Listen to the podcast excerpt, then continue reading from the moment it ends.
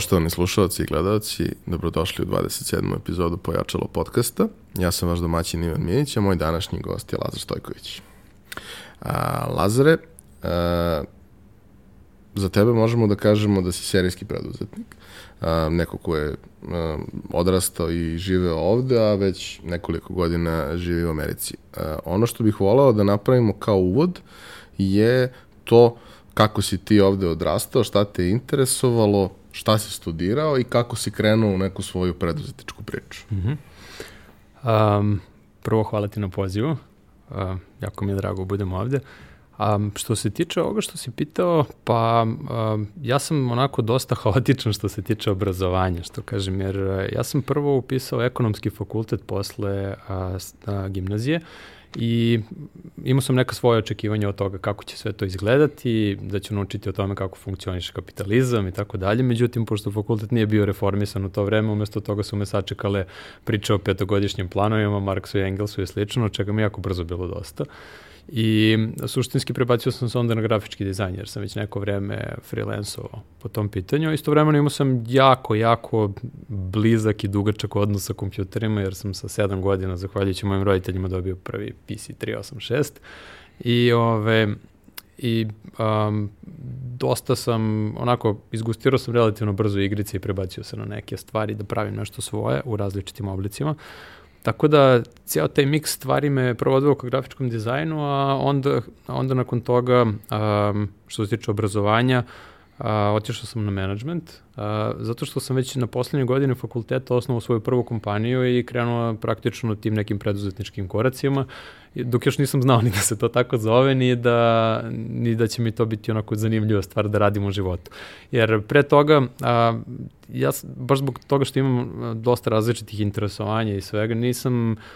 Um, posmatrao sam društvo i gledao sam onako kako postoji dosta tih različitih nekih ono vrlo specijalizovanih slotova, ali nikad nisam znao koji se od njih ja uklapam nekako. Bilo mi je mm, aha, ali ako radimo ovo, onda ne radimo ovo. I kao, ali ja volim da radim i ovo. I sa te strane, Um, hoću kažem da prva, prva kompanija je bila više splet srećnih okolnosti na neki način, um, jer sam sa prijateljima osnovao kompaniju koja se bavila uvozom i maloprodajom igračaka. Imali smo prvi, prvu online prodavnicu u Srbiji za igračke i igre za decu i um, što kažem, tu smo počeli da pravimo neke prve korake, tu sam takođe zamrzao malo prodaju do kraja života.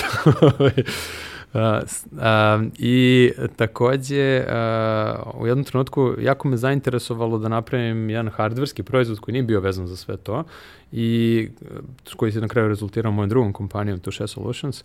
Um, I praktično mislim da je taj moment kada sam završio taj prvi proizvod, prototip proizvoda i kada je taj, pravili smo izloge osetljive na dodir. A, izlozi su bili zamišljeni tako da bilo ko dodirujući ih sa strane ulice može da dobije informaciju o biznisu unutra, da vidi gde su mu prijatelji blizu u gradu, da obavi određene transakcije, pošli sebi katalog i tako dalje, odigra neke brendirane igrice. I um, to je to je opet, što kažem, i to je bio dosta interesantan tajming jer smo to radili, počeli smo to radimo pre nego što je izašao prvi iPhone. I a, onako kada je izašao bilo mi je jako drago što neke stvari o kojima sam razmišljao pre toga su se ispostavile kao tačne hipoteze. Uh, ajde da kažem samo jednu onako banalnu stvar, ove, to je ono a, kako kada god radite sa touchscreen površinama uvek treba da imate ono zaobljene ikonice, ljudi psihološki percepiraju, mogu se i seku ako je nešto oštro, treba to pipnu, tako da nama ceo interfejs bio onako dosta zaobljen i mekan i sve. Ove, onda izašao iPhone i kao svuda su ono zaobljene ikonice. Ove, ali suštinski um, moment kad sam završio taj prvi prototip i kada, kada sam ga upalio i kad je on zapravo ono, došao u život i onako i radio ono što je trebalo da radi, ja tu kažem, ja, to je najbliže verovatno što ću se ikada osjećati tome kako se osjećaju majke kad dobiju dete. Ove, I u tom trenutku sam znao šta je to u stvari što ja hoću da radim i da to ne mora nužno bude da se onako ukalupim u neki određeni uh, template kako, kako bi trebalo već ono sve nešto po nekim pravilima, nego jednostavno um, imam tu slobodu da kreiram neke nove stvari i da kreiram organizaciju oko tih nekih novih stvari i da um, gledam da to obavi neku, da da neku vrednost svetu i jednostavno ja volim da pravim stvari. A, pričamo o tehnološki naprednoj stvari u trenutku kad to nije nešto što je da kažemo, svuda prisutno i dostupno. Pa i sada koliko ima više od 10 godina nakon toga, mi i dalje nemamo baš svaki izlog koji je takav, odnosno ima ih zapravo vrlo malo da. i vrlo malo je u, u tom smislu napredo. A nakon toga si ušao u nešto što je dosta drugačije uh, i na prvu loptu, osim ako pričamo o striktno tehnološkom mm -hmm. aspektu, meni potpuno nespojivo sa tobom i tvojim interesovanjem. Mislim da je dobro da podeliš priču, mm -hmm. zato što makar ženski deo publike će sigurno ovaj, prepoznati e, i taj period početka i svega dok si ti bio u toj priči, a i brend o kome govorim. A, pa da, a, ja sam jedan od osnivača Wannabe magazina, a, mada opet što kažem, da se ogradim odmah na početku, sve što budem sad pričao odnosi se na period od pre 7 godina, tako da postoji značajna vremenska distanca. Um, tako da ne znam kako sad stvari izgledaju, ove, ali jednostavno možemo da pričamo o tom periodu dok sam bio tu pre svoje selitbe u Ameriku.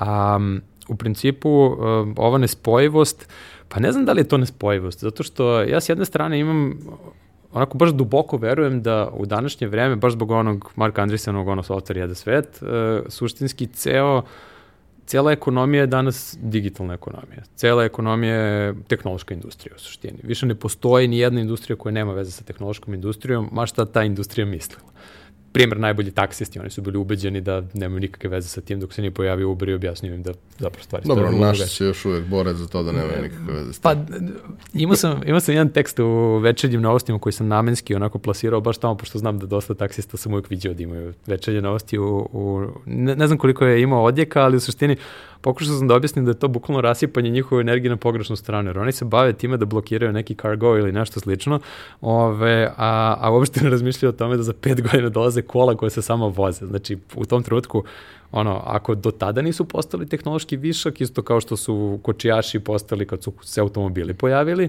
u tom trenutku će postati. Tako da, moja preporuka im je više da se fokusiraju na neke pametnije stvari i da vide šta će raditi posle toga kad se desi taj civilizacijski pomak, nego da sad gube vreme na borbu protiv nečega što olakšava ljudima život. I što je neminovno. Na kraju, Apsolutno da. to, da ne počinjemo. Ove, a, da, ovo što sam rekao, znači u suštini svaka industrija je danas tehnološka industrija i a, znaš, ono što, što smo pričali, ako ti pogledaš sad a, moju karijeru, ja sam radio u puno različitih vertikala koje, ono, površno gledano, nemaju nikakve veze jedno s drugom. Ne, znači, ne znam, ono, u poslednjih pa tih ono 10, desetak, 15 godina, to su bile stvari kao što su uh, e-commerce, kao što je uh, kao što je hardware, uh, da, da, uh, advertising, uh, uh, osiguranje, um, moda. moda, znači hiljade različitih stvari koje onako prividno apsolutno nikakve dodirne tačke nemaju. Međutim, ono što kažem, a, sve ima, danas je svaka industrija tehnološka industrija. Na, na cijelom svetu postoji 13 biznis modela na internetu i bukvalno svaki biznis koji postoji je neki miks ili, ili je ono jedan prema jedan neki od tih modela ili je miks tih različitih modela. I dokle god vi poznajete fundamente tehnologije dovoljno da znate šta je moguće, šta nije moguće, šta ima smisla, šta nema smisla, šta će zadovoljiti potrebe nekog korisnika, a tu sam vrlo veliki pobornik onoga što Richard Branson rekao da za svaku industriju na svetu možda postaneš ekspert za dve godine, a, ako se onako baš udubiš u nju. A, sa te strane mi je bilo onako jako interesantno i bio mi veliki izazov, ok, ajde moda s kojom stvarno nemam nikakve veze kao što si lepo primetio, Ove, a, šta, bi, šta bi tu moglo da se uradi. I ja su u suštini nisam previše mešao u taj modni deo. Jer, Urednički deo. Tako je, da. A, ono čime sam se ja bavio u Wannabe-u bio je poslovni deo i bio je, uh, bio je tehnološki deo. I to je imalo smisla s te strane da pustimo one koje je više zanimao taj modni deo, da se bavi njimi koji, u krajnjoj liniji koji su eksperti za to, a ja sam se bavio ovim što a, je meni bilo interesantno, pravim neke eksperimente koje u to vreme nisu postojali ovde na tržištu i mogu s ponosom da kažem da za samo te dve godine došli smo do toga da bukvalno smo postali broj jedan modni mediji u cijeloj bivšoj Jugoslaviji. A, jako puno ljudi je sarađivalo sa magazinom a, i bukvalno što se tiče konkurencije, ne znam, samleli smo ih i tako dalje, tako da a, i imali smo prilike isprobamo neke nove stvari, tipa recimo Wannabe a, je, danas se možda malo ljudi seća, ali je bio prvi, prva domaća kompanija koja je imala a, rasprode sa ograničenim vremenom. Ne mislim u smislu a, nešto slično Grouponu i slično, nego baš Guild, znači kao što Guild funkcioniše u, u Americi, gde tipa to su bile rasprodaje firmirane odeće i nameštaja i nakita i tako tih stvari, koje su opet bile vezane za modu i za ceo taj segment. Um, I s te strane gledano, što kažem, ukupno to je bilo nešto manje od dve godine mog života, ali ove, uspeli smo da stvarno to dignemo na jedan mnogo viši nivo, jer jednostavno ostatak konkretno tog segmenta, te industrije u Srbiji je funkcionisao po nekim vrlo onako rudimentarnim principima, a koji jednostavno su bili vrlo limitirajući i nisu im dozvoljavali da naprave bilo što ozbiljnije ili da rastu dok se ni, mi nismo pojavili, onda su oni shvatili u stvari šta moraju da rade. Da, zapravo nijedan od tih velikih, da kažem, brendova magazina koji gađaju tu nišu, nije bio prisutan na online-u na iole ozbiljniji način. Najdalje na nivou toga da se deo sadržaja koji ide u print, ali ne ceo, jer bi onda kanibalizovali prodaju printa, jel?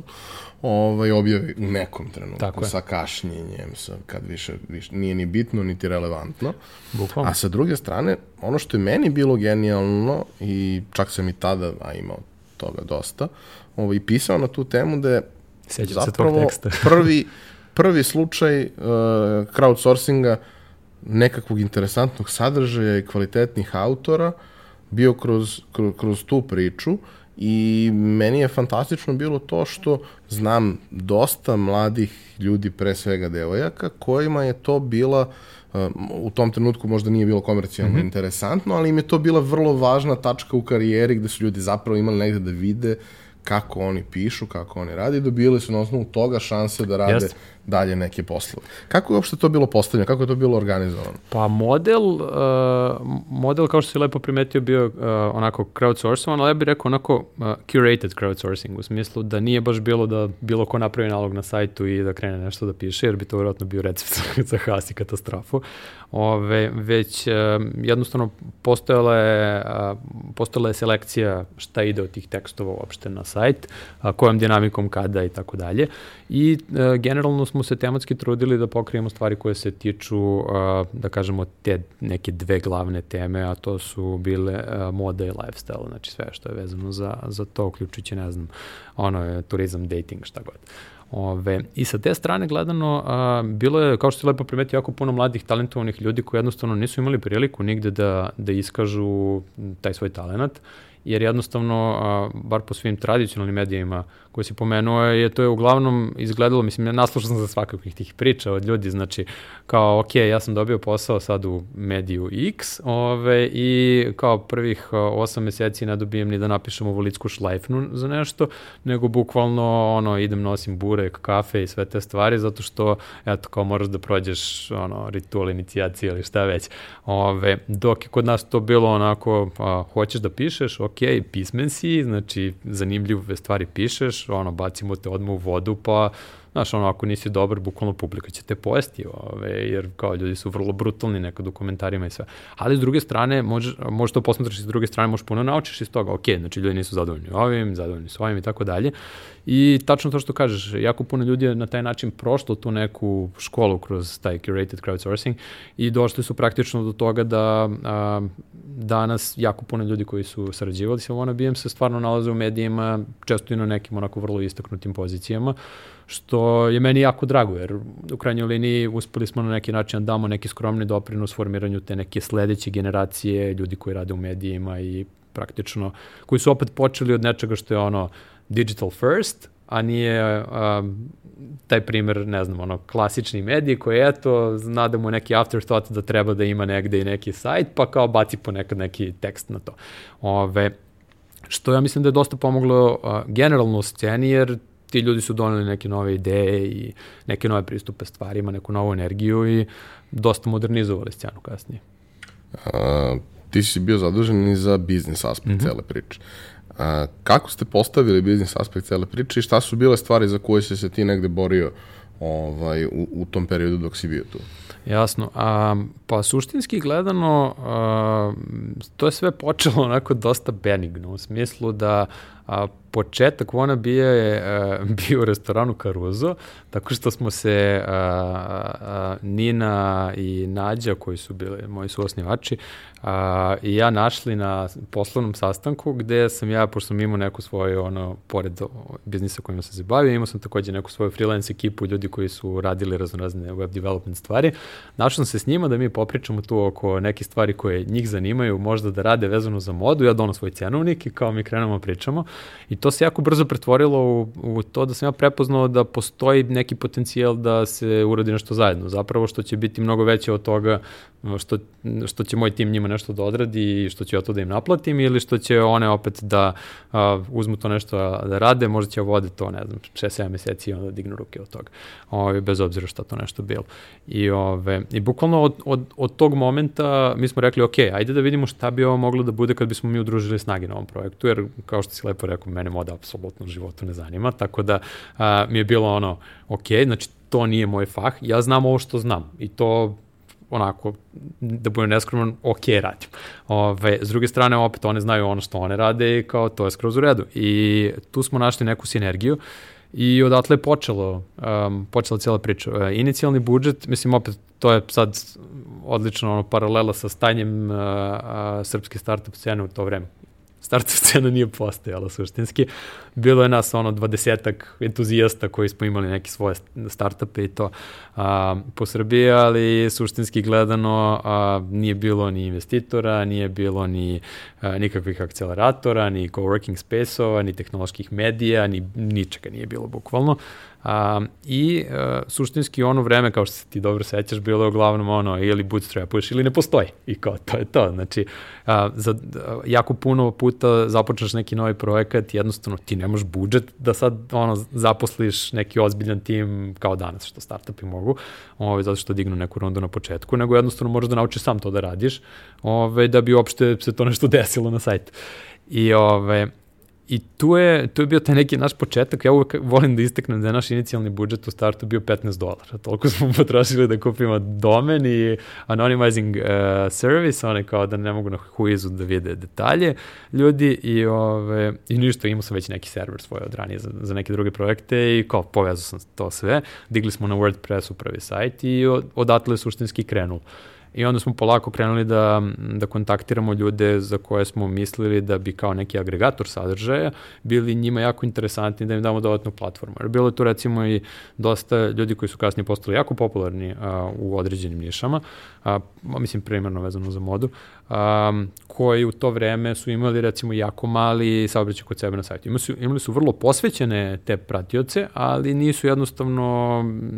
Nije nisu to... imali pristup široj publici. Tako je. I, I samim tim što smo mi u početku imali taj agregacioni pristup, znači stavljanja svih njih zajedno, ali opet to da se napakuje tako da, um, da to ima smisla kao celina. Uh, to je, to je dosta doprinalo njima da se uopšte prošire i da stignu do neke nove publike, da dignu u krajnjoj liniji neki od njih i svoje poslovanje na, na neki sledeći nivo.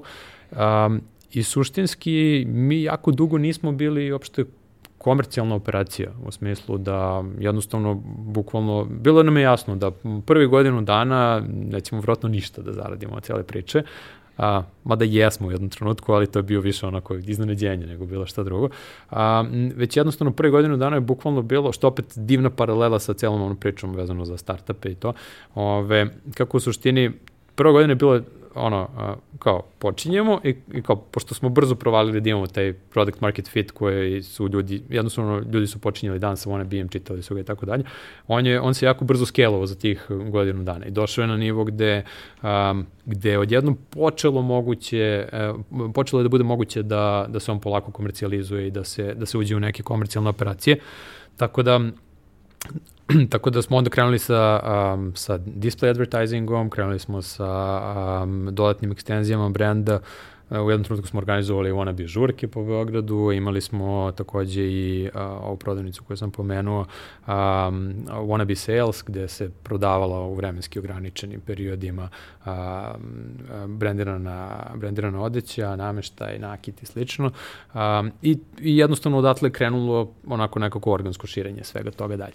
A, ali činjenica je to što kažem, prve godinu dana je to bukvalno bilo onako samo hvatanje zaleta i uopšte postavljanje osnova za nešto što, evo koliko čujem i danas postoji.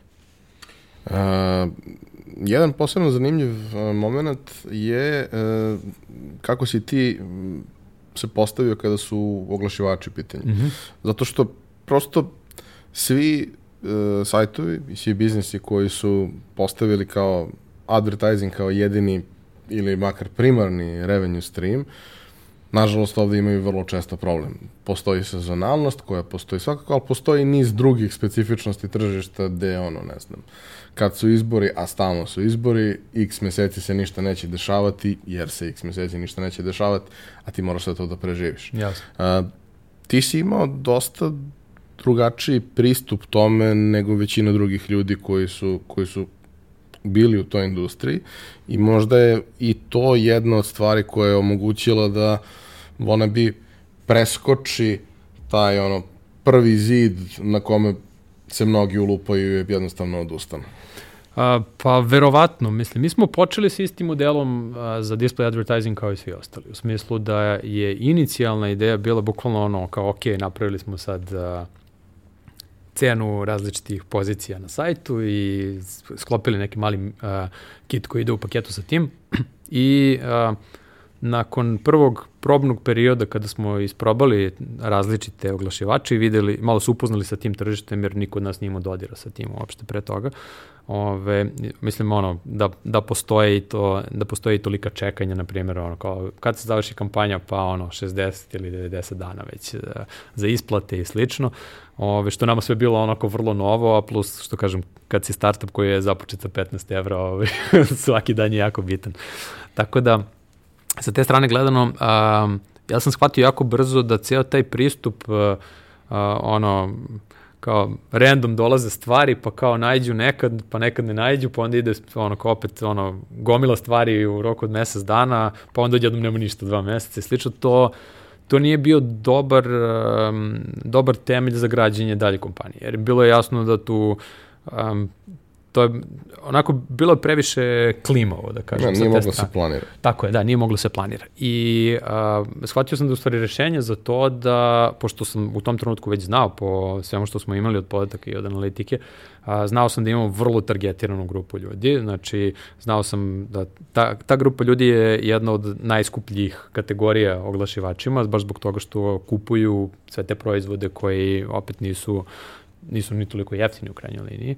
Um, ono što je postalo interesantno meni onda kroz razmišljanje je bilo, ok, hajde da vidimo da napravimo nešto što će nam dati uh, cash flow koji mi možemo da predvidimo i da vidimo, znači jednostavno da znamo da svakog meseca imamo ono x para ulazi unutra, y para izlazi iz firme i suštinski da kroz to a, praktično napravimo taj zdrav temelj koji će omogućiti da se kompanija dalje širi. I a, u startu kada sam razgovarao sa domaćim a, oglašivačima na tu temu, znači zapravo agencijama za advertising a, online, um, većina mi je rekla ono kao malo fali kao šta ti, šta, šta ti sad izmišljaš otprilike, to ti, ti sad dolaziš sa nekim tim novim modelima, jer sam ja smislio kao ok, znači mi ćemo da vam damo ekskluzivu, znači samo ćete vi moći se oglašavati na sajtu, a, ali to košta toliko i toliko i jednostavno... No, mesečni commitment. Da, mora, znači morate da ispunite taj inventar koji, koji dobijete i, ove, i sad imali smo tu još neke sad provizije cijela, cijela, cijela te struktura, ali osnovna ideja je bila ekskluzivitet. I um, što kažem, u startu smo naletili na ogroman pushback uh, od uh, agencija koje su jednostavno rekle ne, mi to ne radimo, postoje, ja mislim, dva takva modela u Srbiji koji su oba bilo značajno veće od nas u tom trenutku. Ja sam rekao, ok, mislim, ja svakako tražim nekog partnera s kim ću moći to da realizujem. I onda stvarno moram da dam kredit Vladimiru Aranđeloviću, tada iz Direct Medije, ne znam da li je dalje tamo, ove, koji, je, koji je imao, imao, da kažemo, a, tu viziju ili šta već da partnerstvo sa Wannabe može da bude jako profitabilno za, za obe strane i jednostavno a, kroz to partnerstvo verujem malo dignemo i kvalitet oglašavanja u Srbiji i sve to a, na neki novi nivo za ono vreme. I realizovali smo ga na obostrano, na obostrano zadovoljstvo. E sad, a, prelazimo na deo gde pričamo o tome kako si ti izašao iz mm -hmm. priče, šta su sve bili koraci koji su prethodili tome, kako je izgledalo pregovarati sa investitorima i sve ostalo i zašto si izašao iz priče? Jasno. A, pa ovako, umeđu vremenu sam primljen na master studije na UC Berkeley School of Information. Um, UC Berkeley je najbolji državni fakultet na svetu, treći najbolji univerzitet na svetu generalno i sa te strane um, jednostavno um, nešto što, što bi me pomoglo da mi digne na taj neki sledeći profesionalni nivo. Naročito sa te strane što gledano opet na tadašnju startup scenu u Srbiji koja nije postojala, Nordeus tek pravio prve koreke, start i tek počeo da organizuje neke prve meetupe, nema nikakvih medija, nema ničega, ja upoznam, to je recimo interesantna priča, preko drugarice koja nema nikakve veze sa tehnologijom, a, seo ja sa njom na kafu i sad to je bilo za vreme moje druge kompanije. I seo, seo, seo sa njom na kafu i sad ona me pita, e, kao šta ti radiš? Ja nešto pričam, ja skapiram da ona je u fazonu kao, ok, vi kompjuteraši, tu nešto te vaše priče. I kaže, ali imam drugara kao koji je isto kompjuteraš kao ti, ajde ga zovem kao da se vi upoznate, kao vas nema toliko koji zaprimate svoj biznis. Ja, vi ste čudni, sedite vas dvojice pa pričate nešto čudno, ja ću da gledam. Baš to. Ove, I ja rekao, ok, važi, I dolazi dečko i sad kao pitam ga šta on radi, on mi ispriča, ja mislim zeza me zato što je to bukvalno bilo isto ono što sam ja radio u to vreme.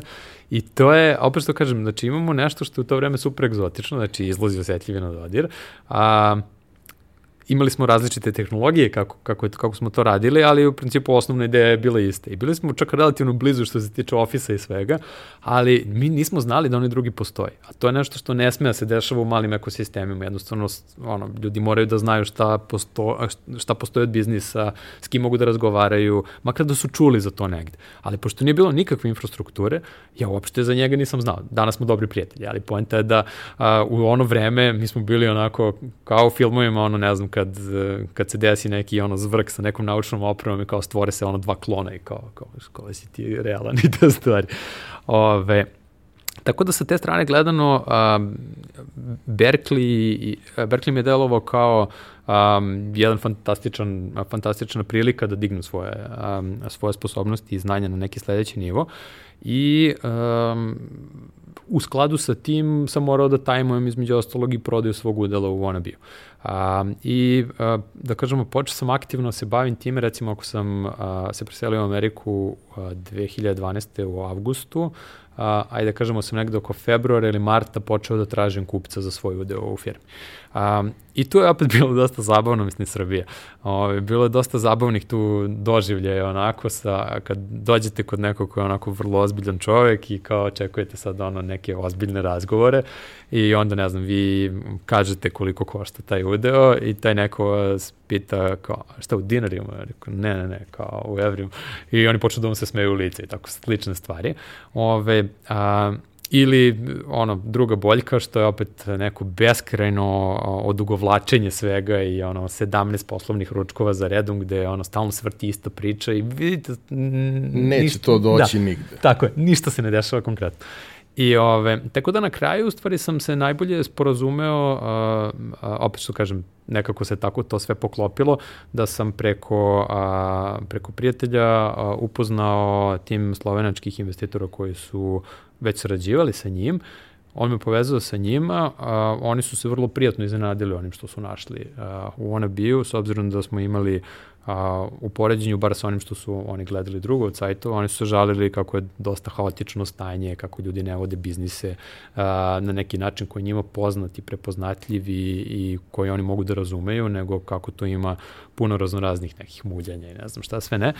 I onda, bukvalno, kada su, kada su konačno naišli na nas i kada smo imali taj inicijalni razgovor, kada su videli financije, analitiku i tako dalje, jako brzo je tu došlo samo do pitanja, ok, koliko para. I, ove, i ništa, znači, ovde nije bilo nikakvog sad nadlačenja tu oko toga šta, kako, koliko, jer jednostavno oni su znali da to ima određenu vrednost koja je bila u skladu sa tim objektivnim rezultatima u to vreme. Uh, Tako da smo se pogodili oko toga i jako brzo je to završeno. To je recimo bio neki juni, jul recimo te godine. Tako da sam bio onako jako blizu tome da, da se ocelimo, ovaj, da, ajde, da i dalje um, budem vlasnik uh, jedne trećine kompanije. Uh, odlazak na Berkeley. Mm -hmm. Dolaziš iz jednog obrazovnog sistema, dolaziš iz jednog društvenog sistema na neko mesto koje je jedno od najboljih mesta na svetu na kome možeš da se, da se nađeš u tom trenutku.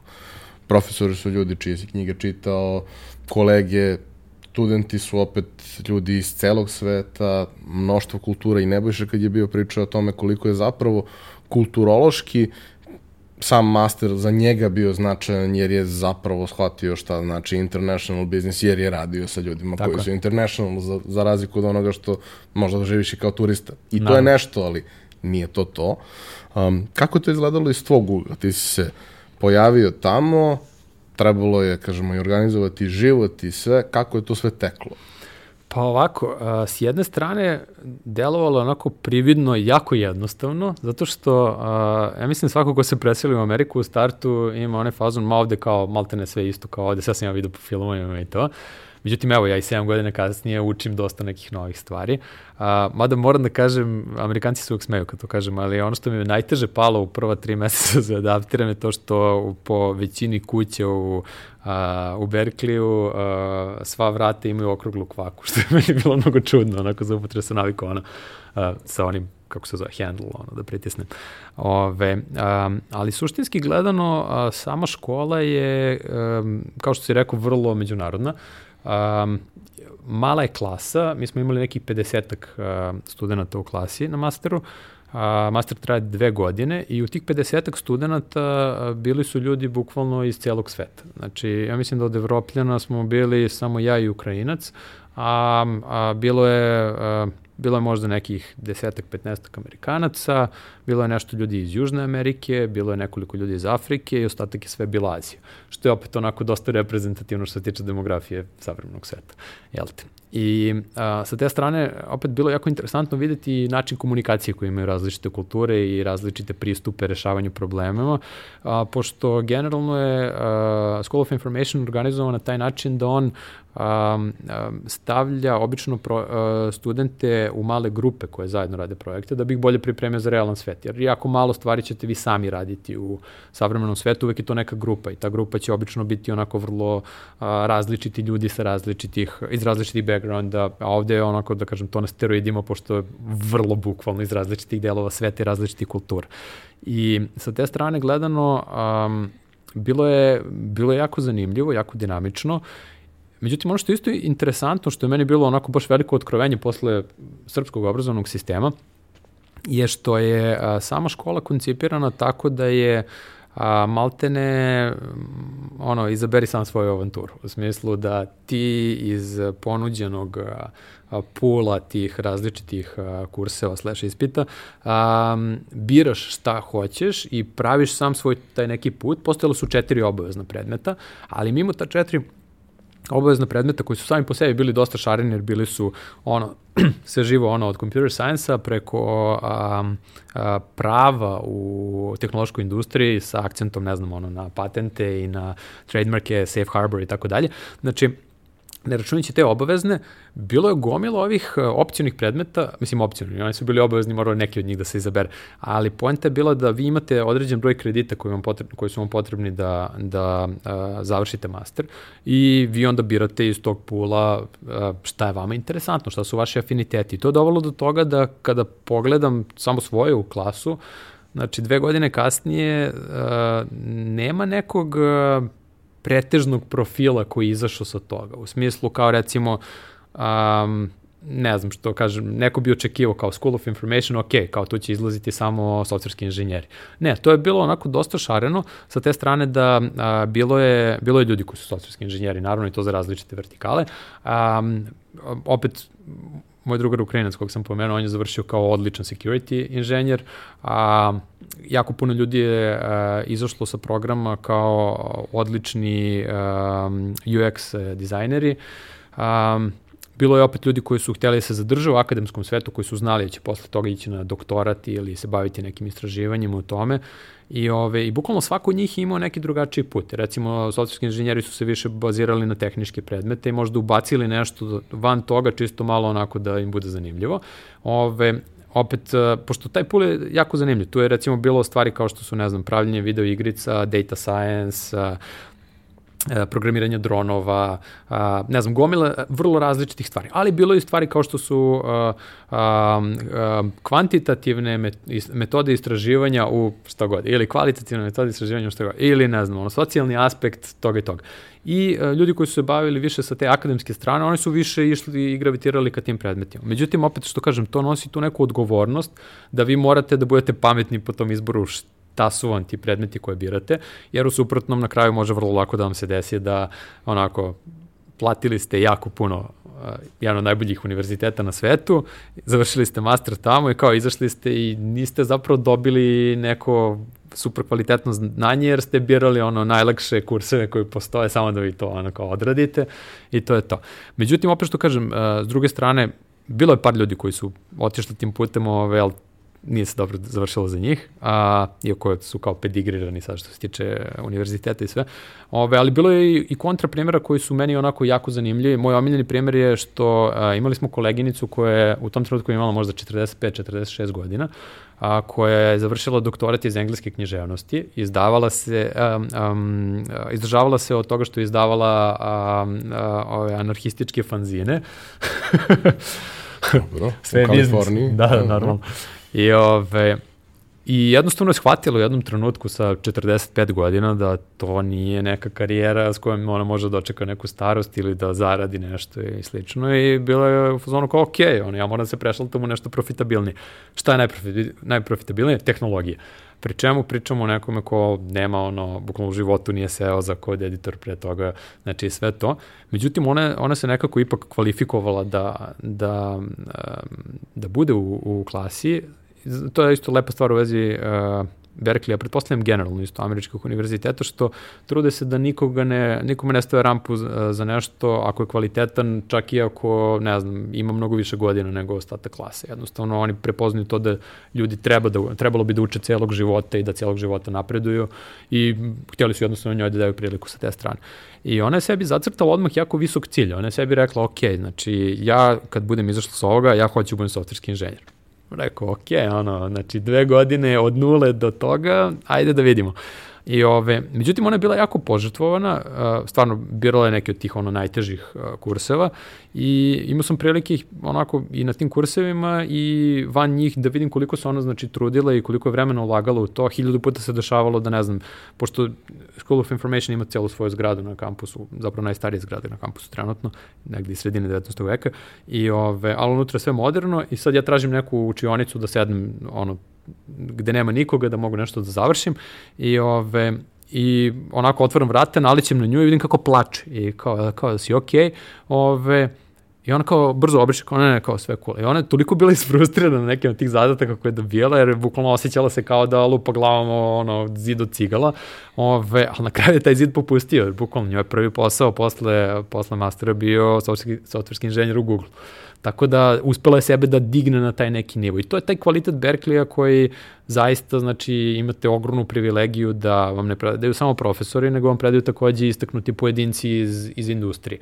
Um, tako da ne znam, ja sam imao prilike na um, tokom svojih studija da, um, da mi predavači budu, uh, uh, na primjer, profesor Morten Hansen sa kojim sam kasnije radio, uh, koji je jedan od najvećih uh, živih stručnjaka za management na svetu.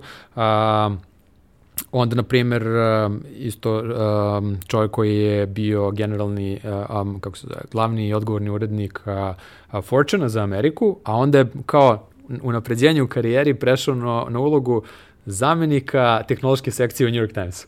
Ove, a, koji je opet donao neki svoj pogled na stvari, bilo je tu profesora, e, sad opet bilo je tu i profesora koji su imali 4-5 prodatih kompanija u nekim astronomskim iznosima koji su opet donosili tu neku ekspertizu. Na upravnom odboru škole je sedao jedan od osnivača Twittera i tako dalje.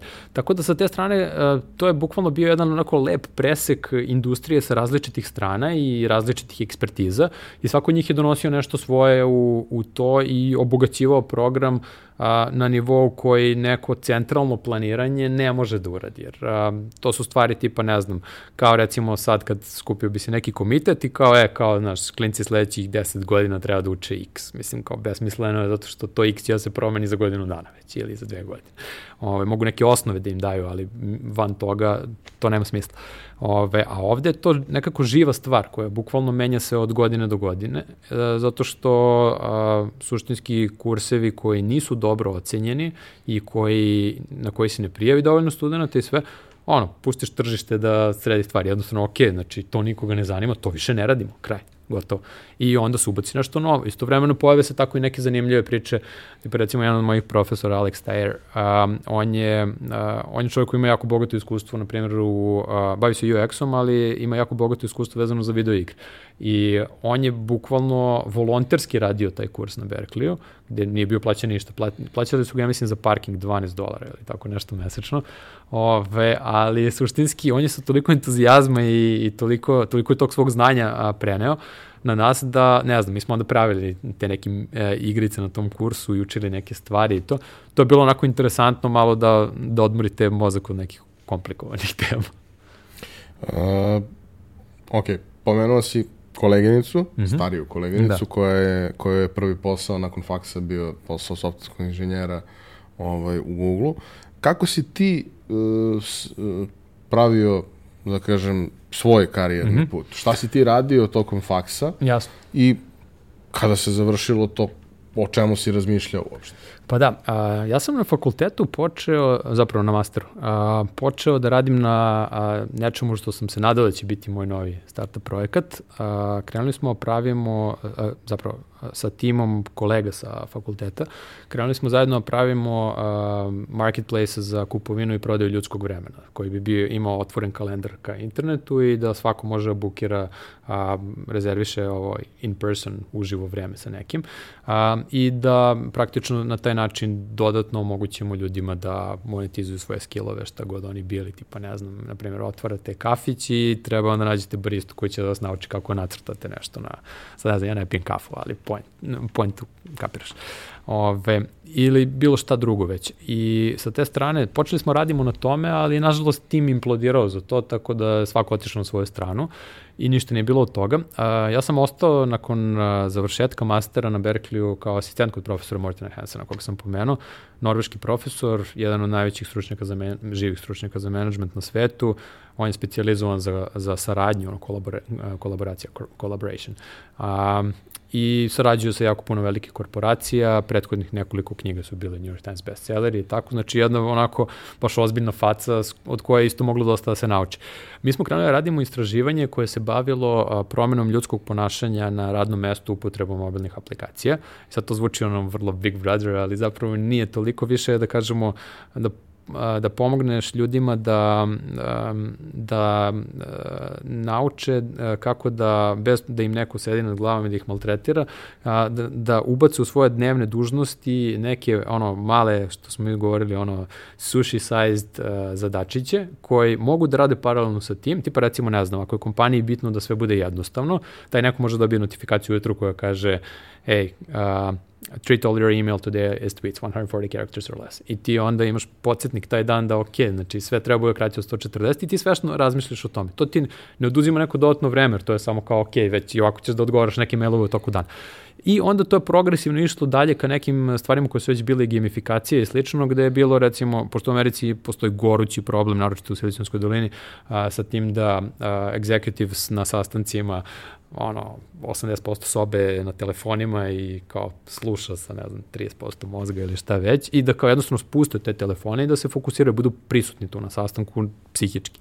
I, ove, I onda recimo to može se gamifikuje tako što se do, dodele ono accountancy, um, um, accountancy buddies koji su praktično tu da da ti, ne za vreme sastanka, nego kad se završi sve, da ti kažu, ej, kao, digo si, ne znam, telefon i kao, ne znam, bio sam ja fazon. Neko vreme, ove, čisto budeš svestan toga i kao kad ti se dovoljno puta to ponovi u nekom trenutku ćeš ti kao aha ok, znači kad kreneš prema to, a ne, ne, kao ne treba to da radi. I praktično da istreniraš sebe kroz te različite e, stvari koje su baš onako soft skills u biznisu, um, da, da generalno podigneš i svoje performanse kao zaposleni i sve. To je baš onako za korporativnu Ameriku primjerno zamišljeno.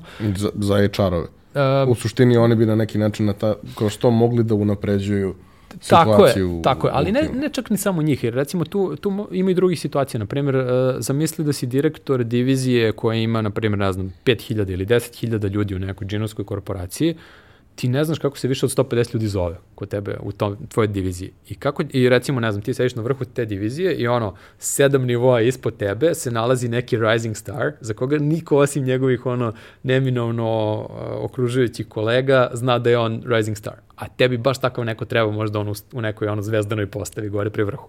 I ove, ovo ti pomaže da identifikuješ takve ljude zato što jednostavno a, po, pojavljuju se ti patterni kroz a, kroz sve ove stvari koje sam pričao i sad postoji ceo taj tehnološki proizvod koji ti omogućava da, da praktično identifikuješ te, te stvari i praktično ti omogućava da, da kažeš ok, znači tamo ne znam ono 12 ili 15 nivoa ispod mene se nalazi neki lik koji ono strašno obećao i bukvalno kad bismo ga uzeli bukvalno samo na ono da bude um, apprentice um, Apprentice. Šegrt.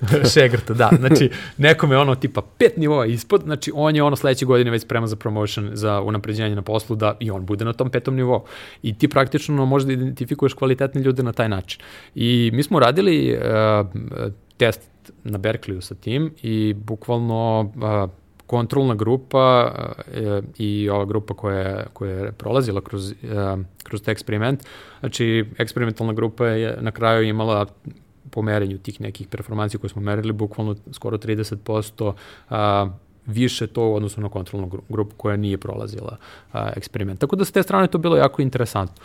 A, s druge strane opet a, to je onako akademski svet, to je ovaj, dosta ne znam, dosta statično, onako, tipa, ne znam, meni su na, pa da, ove, na, na odbrani, na odbrani mog mastera na fakultetu organizacijonih nauka, recimo, mene su zvali da ostanem kao asistent. Tu i iz istog razloga zašto nisam ostao na Berkeley kao asistent, nisam ostao ni, a, ni na fonu. Zašto jednostavno a, mene onako suštinski loži, ono što sam rekao, pravljenje novih stvari i tu sa te strane startup okruženje ono gde ja želim da budem i gde sam navikao da funkcionišem a, izašao si iz akademske zajednice, odustao od pozicije asistenta i krenuo da tražiš posao.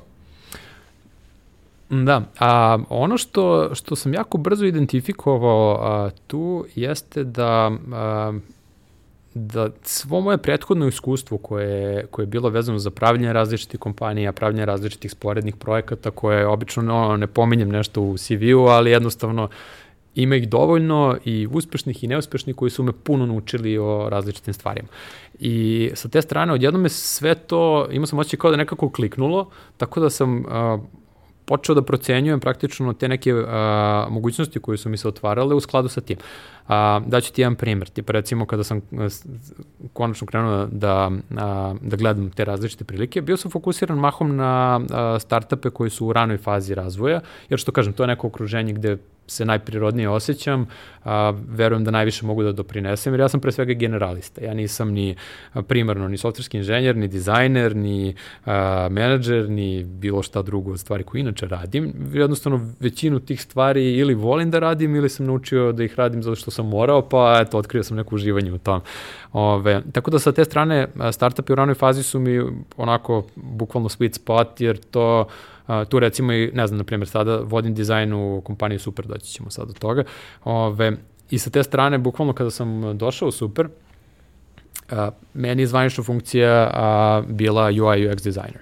Međutim, ja sam pored, pored samog crtanja interfejsa i razgovora sa, sa našim customerima, a, takođe radio još 50 drugih stvari. Pisao sam front-end kod, čak sam radio neki PR sa nekim lokalnim medijima za kompaniju, a, radio sam recruiting, znači mislim start, ono, kad imaš pet ljudi i ograničen, ograničeni početni resurse, onda ono, svi, svi doprinose kako znaju.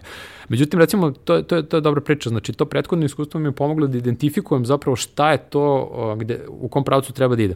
Jer recimo, a, to je za dve nedelje, to se pretvorilo u neki 15 ponuda za posao i sad tu je bilo svačega, onako, bilo je, bilo je onako površno gledano, bilo tu jako puno seksi ono biznisa u smislu ono VR, dronovi, mm, Bitcoin. Da, da, bukvalno ono buzzwords tog vremena koji su ti bili kao wow, kao znaš, kao idemo, idemo se bavimo tim.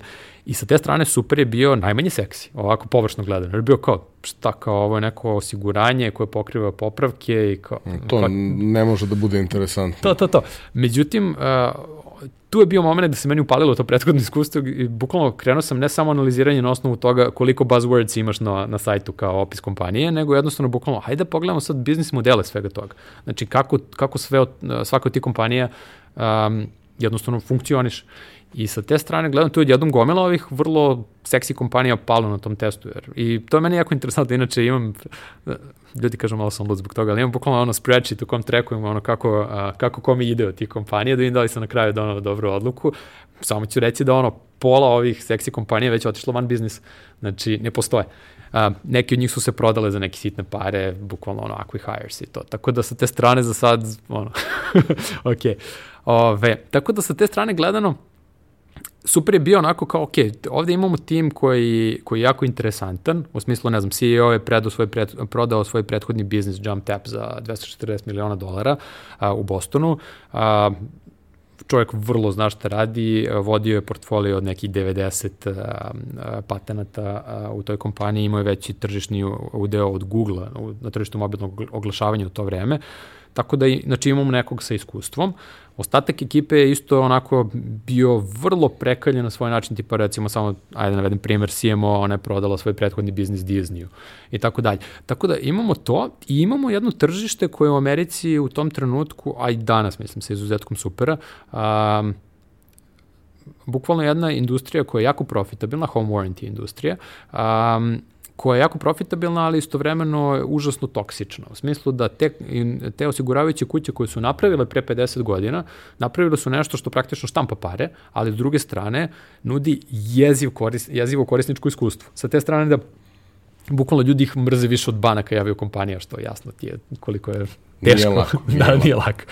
Ove, tako da sa te strane, um, odjednom, znači svi ti neki problemi i, i, e, i komplikacije s kojima su ih oni suočavali, a, u smislu da moraš da zoveš telefonom, pa čekaš dva i po sata na telefonu, a ti se neko javi jer je to prosečno industrijsko vreme u home warranty industriji, ono kao čekanje customer service-a, pa čekanje dve, tri nedelje ti neko popravi nešto, pa jezive iskustva s tim popravkama, puno prevare, uh, slanje dokumenta faksom i slične te horror priče. Znači, bukvalno sve te neke stvari um, super je imao ideju, znači, zapravo imao samo PowerPoint deck u tom trenutku, bukvalno je samo postojala ideja, znači ono, ok, mi ćemo to radimo na drugi način, mi ćemo bukvalno da uzmemo i da a, sve to prepakujemo tako da ono, kao što treba da izgleda u 21. veku, u smislu nema šta da se ganjaš sa formularima, sve je digitalno, a, hoćeš da, a, ono, kad ti dolazi majstor prema tebi, imaš mapu sa malim kamionetom koji ide prema tebi, a, kompletna komunikacija može se odigrava preko 10 različitih kanala, postoje i mobilne aplikacije i web aplikacije, možeš preko društvenih mreža, bukvalno znači šta god. Bukvalno mi smo njima ono, sve, bukvalno svaki pain point koji smo identifikovali iz uh, home warranty industrije, mi smo uzeli i bukvalno svaki od njih, ono, šta mi možemo da uradimo da ljudima stvarno olakšamo život po tom pitanju, da im to ne bude horor iskustvo svaki put kad moraju da se bave a, time, nego da jednostavno to bude nešto što im olakšava život. I plus dodali još gomilu nekih a, servisa koji dodaju dodatnu vrednost, tipa concierge i slično, što je odjednom njima otvorilo mogućnosti da, a, pošto u Americi ima onaj moment da a, dok rentaš, a, dok iznajmljuješ stan od nekoga, šta god se pokvari u tom stanu, to je odgovornost tog nekog vlasnika stana. Znači, ne znam, crkne ti, ne znam, prekidaš za struju, nema ti sad ti šta nešto tu da šaf cigerovo, ne, ti zoveš vlasnika stana, on je, on je dužan zato što ti plaćaš za tu uslugu da dođe i da ti zameni to.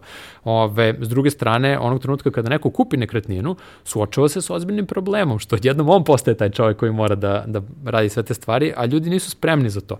I onda u skladu sa tim prosječno američko domaćinstvo potroši godišnje negde oko 6000 dolara, znači samo na te popravke i održavanje.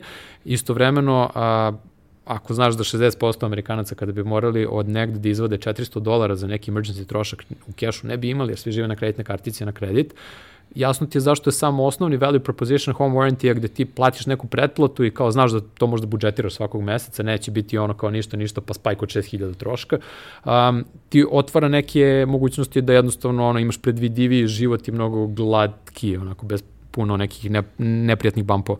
I s te strane super, uh, bukvalno, uh, nama je osnovna ideja bila da omogućimo vlasnicima nekretnina da bukvalno žive u svojim nekretninama kao da rentaju kod nekoga uh, nečiju tuđu nekretninu.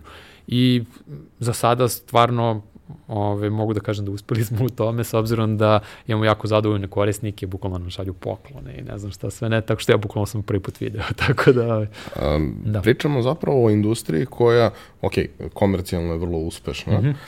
ali je sa strane starih velikih uh, si, uh, osiguravajućih mm -hmm. kuća postavljena na način uh, ok, ti plaćaš subscription i ok, mi hoćemo da pokrijemo trošak, ali ćemo hiljadu jedan korak da ti postavimo i na svakom od njih ćemo da ti damo dovoljno motivacije da ti odustaneš. Jer mi ne želimo da ti trošiš taj novac. Tako je. Zakomplikovat ćemo ti, uh, ono, Eh, kad ti crkne klima u nekom, nekoj Arizoni ili Teksasu ili tako negde ili, ili Nevadi da je 50 stepeni, eh, ti ćeš da čekaš 15 dana da se sve to izdešava i ako ti je stvarno frka, u nekom trenutku ćeš kupiti klimu jer ne možeš da izdržiš to više i nećeš Bukval. potrošiti kredit.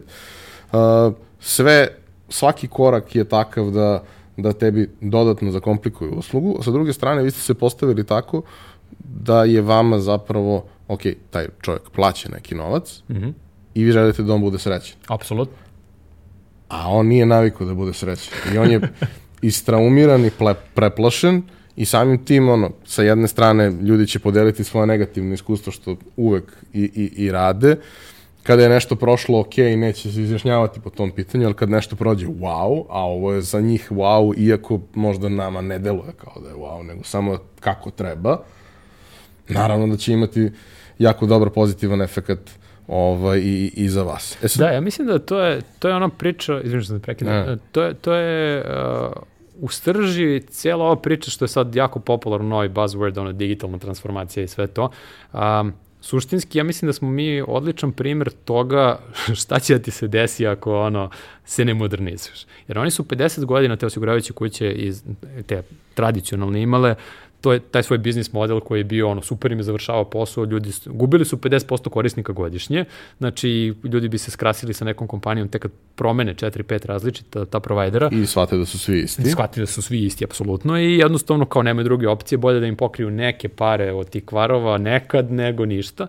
I ove i oni su bili vrlo zadovoljni tako i, o, i bukvalno nije postojala nikakva inovacija. Ja volim onako da kažem pola u šali, pola u zbilje, su oni poslednji put inovirali kad su krajem 70-ih uveli call centri, kao to je to, znači imaju oni sajte, ali ti sajtovi bukvalno ne služe ničemu, oni su ono, bukvalno pokupe stvari iz svojih štampanih brošura pa zakače na sajt.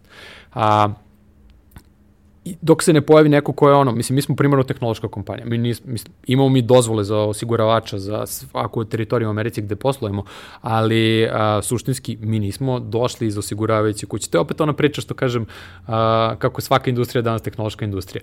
Mi znamo na što su ljudi naviknuti, šta vole, kako da, kako, kako da im bude jednostavno lako iskustvo i kad počinješ od nule, ti možeš onda da napraviš lako ceo taj sistem tako da a, ovi dinosaurusi s ove strane, znači bukvalno izgledaju kao dinosaurusi u poređenju s tobom.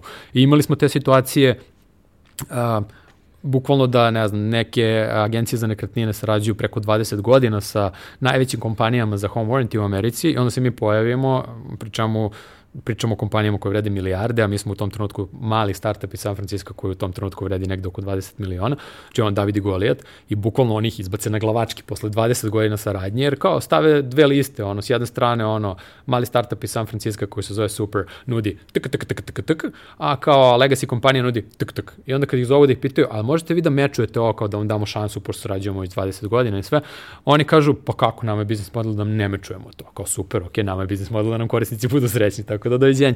I ove, ja imam neku svoju teoriju zašto se oni ne modernizuju, što je opet ona jedna uh, onako upozoravajuća priča za velike kompanije generalno, a to je što, um, opet kažem, moja teorija, a, jako puno home warranty kompanija ovih velikih su u vlasništvu a, kompanija, javno listirane na berzi kompanije u Americi koja se zove Service Master i koja, baš zbog toga što je listirana na berzi, postoje očekivanje Wall Streeta od nje, znači koliko će svakog kvartala da donese po akciji, dividendi, profita, svega toga.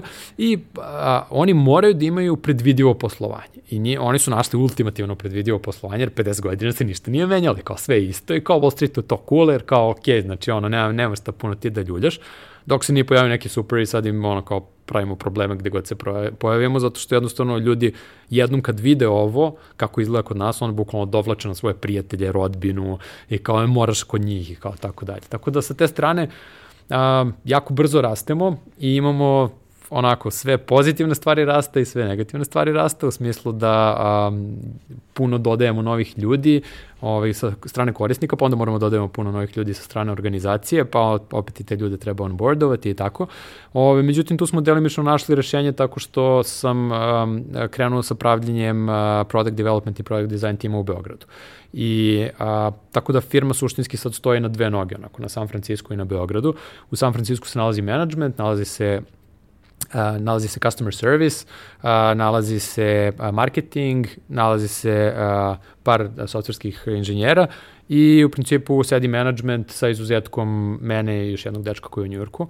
Uh, I to je San Francisco. Uh, u Beogradu se opet s druge strane nalazi, nalaze programeri, nalazi, nalaze se uh, product manageri, nalaze se dizajneri, nalaze se, sad imamo već i data scientista i tako dalje, tako da faktički uh, uspeli smo da napravimo onako najbolje od oba sveta. S jedne strane, uh, ljudi ovde u ekosistemu imaju priliku da vide kako, radi, kako raditi za uh, kompaniju Silicijumske doline koja užasno brzo raste i uh, bukvalno onako, postoje jako veliko očekivanja, da kažem, od nje sa te strane što naši investitori su investirali i u Uber, i u Oculus, i u Airbnb, i u gomilu drugih kompanija.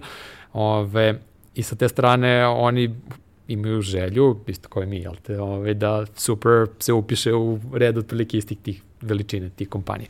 Tako da, tako da je to jako dobra prilika. Ja sam baš sa te strane da bi opet podigao a, a, kako bi rekao, kvalitet lokalne scene isto, insistirao od prvog dana da svako ko je zaposlen u, um, ko, ko, radi za uh, Super u Beogradu, da praktično ima opciju, uh, ima opcije na akcije, znači stock options. Uh, praktično je on neki manjinski vlasnik u nekom uh, u nekom delu kompanije i on praktično time, znači kada jednog dana bude bio exit, ono, što ja volim kažem, neće bude žurka samo na obali Pacifika, nego će da bude i ovde.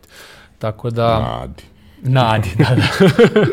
to, I live streamovat ćemo obe, onako, na, vi dobimo Uh, jedan posebno interesantan aspekt cele priče je zapravo uh, kako ti približiš uh, ljudima koji funkcionišu u Silicijinskoj dolini, mm -hmm.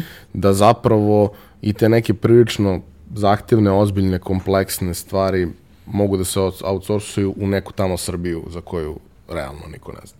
Pa, pazi ovako, za početak, nije baš da niko ne zna. To je, to je sad, to je nešto što se menja. Ranije je bilo u početku kad sam se preselio 2012. dok stvarno ničega nije bilo ovde, niko nije znao. Bilo je ono, dalje, kažeš kao, dakle si Serbia, kao, aha, kao it's cold there, no, not Siberia, Serbia. I kao, onda vidiš ono, bledo gledanje, onda im objasniš ono kao, istočno od Italije, severno od Grčke. A, kao, okej, okay, to, Sirija. to znam. da, da, da. Ove, Plus ima još jedna, još jedna stvar koja, na kojoj jako puno insistiram, a, kada imam komunikaciju generalno sa Amerikancima i generalno sa ljudima iz bilo koje druge zemlje, a, što se tiče srpskog ekosistema, uvijek se trudim da im objasnim da, a, da je ovo jedan onako interesantan ekosistem zbog tih tih tih razloga u južnoj Evropi, a ne u istočnoj Evropi.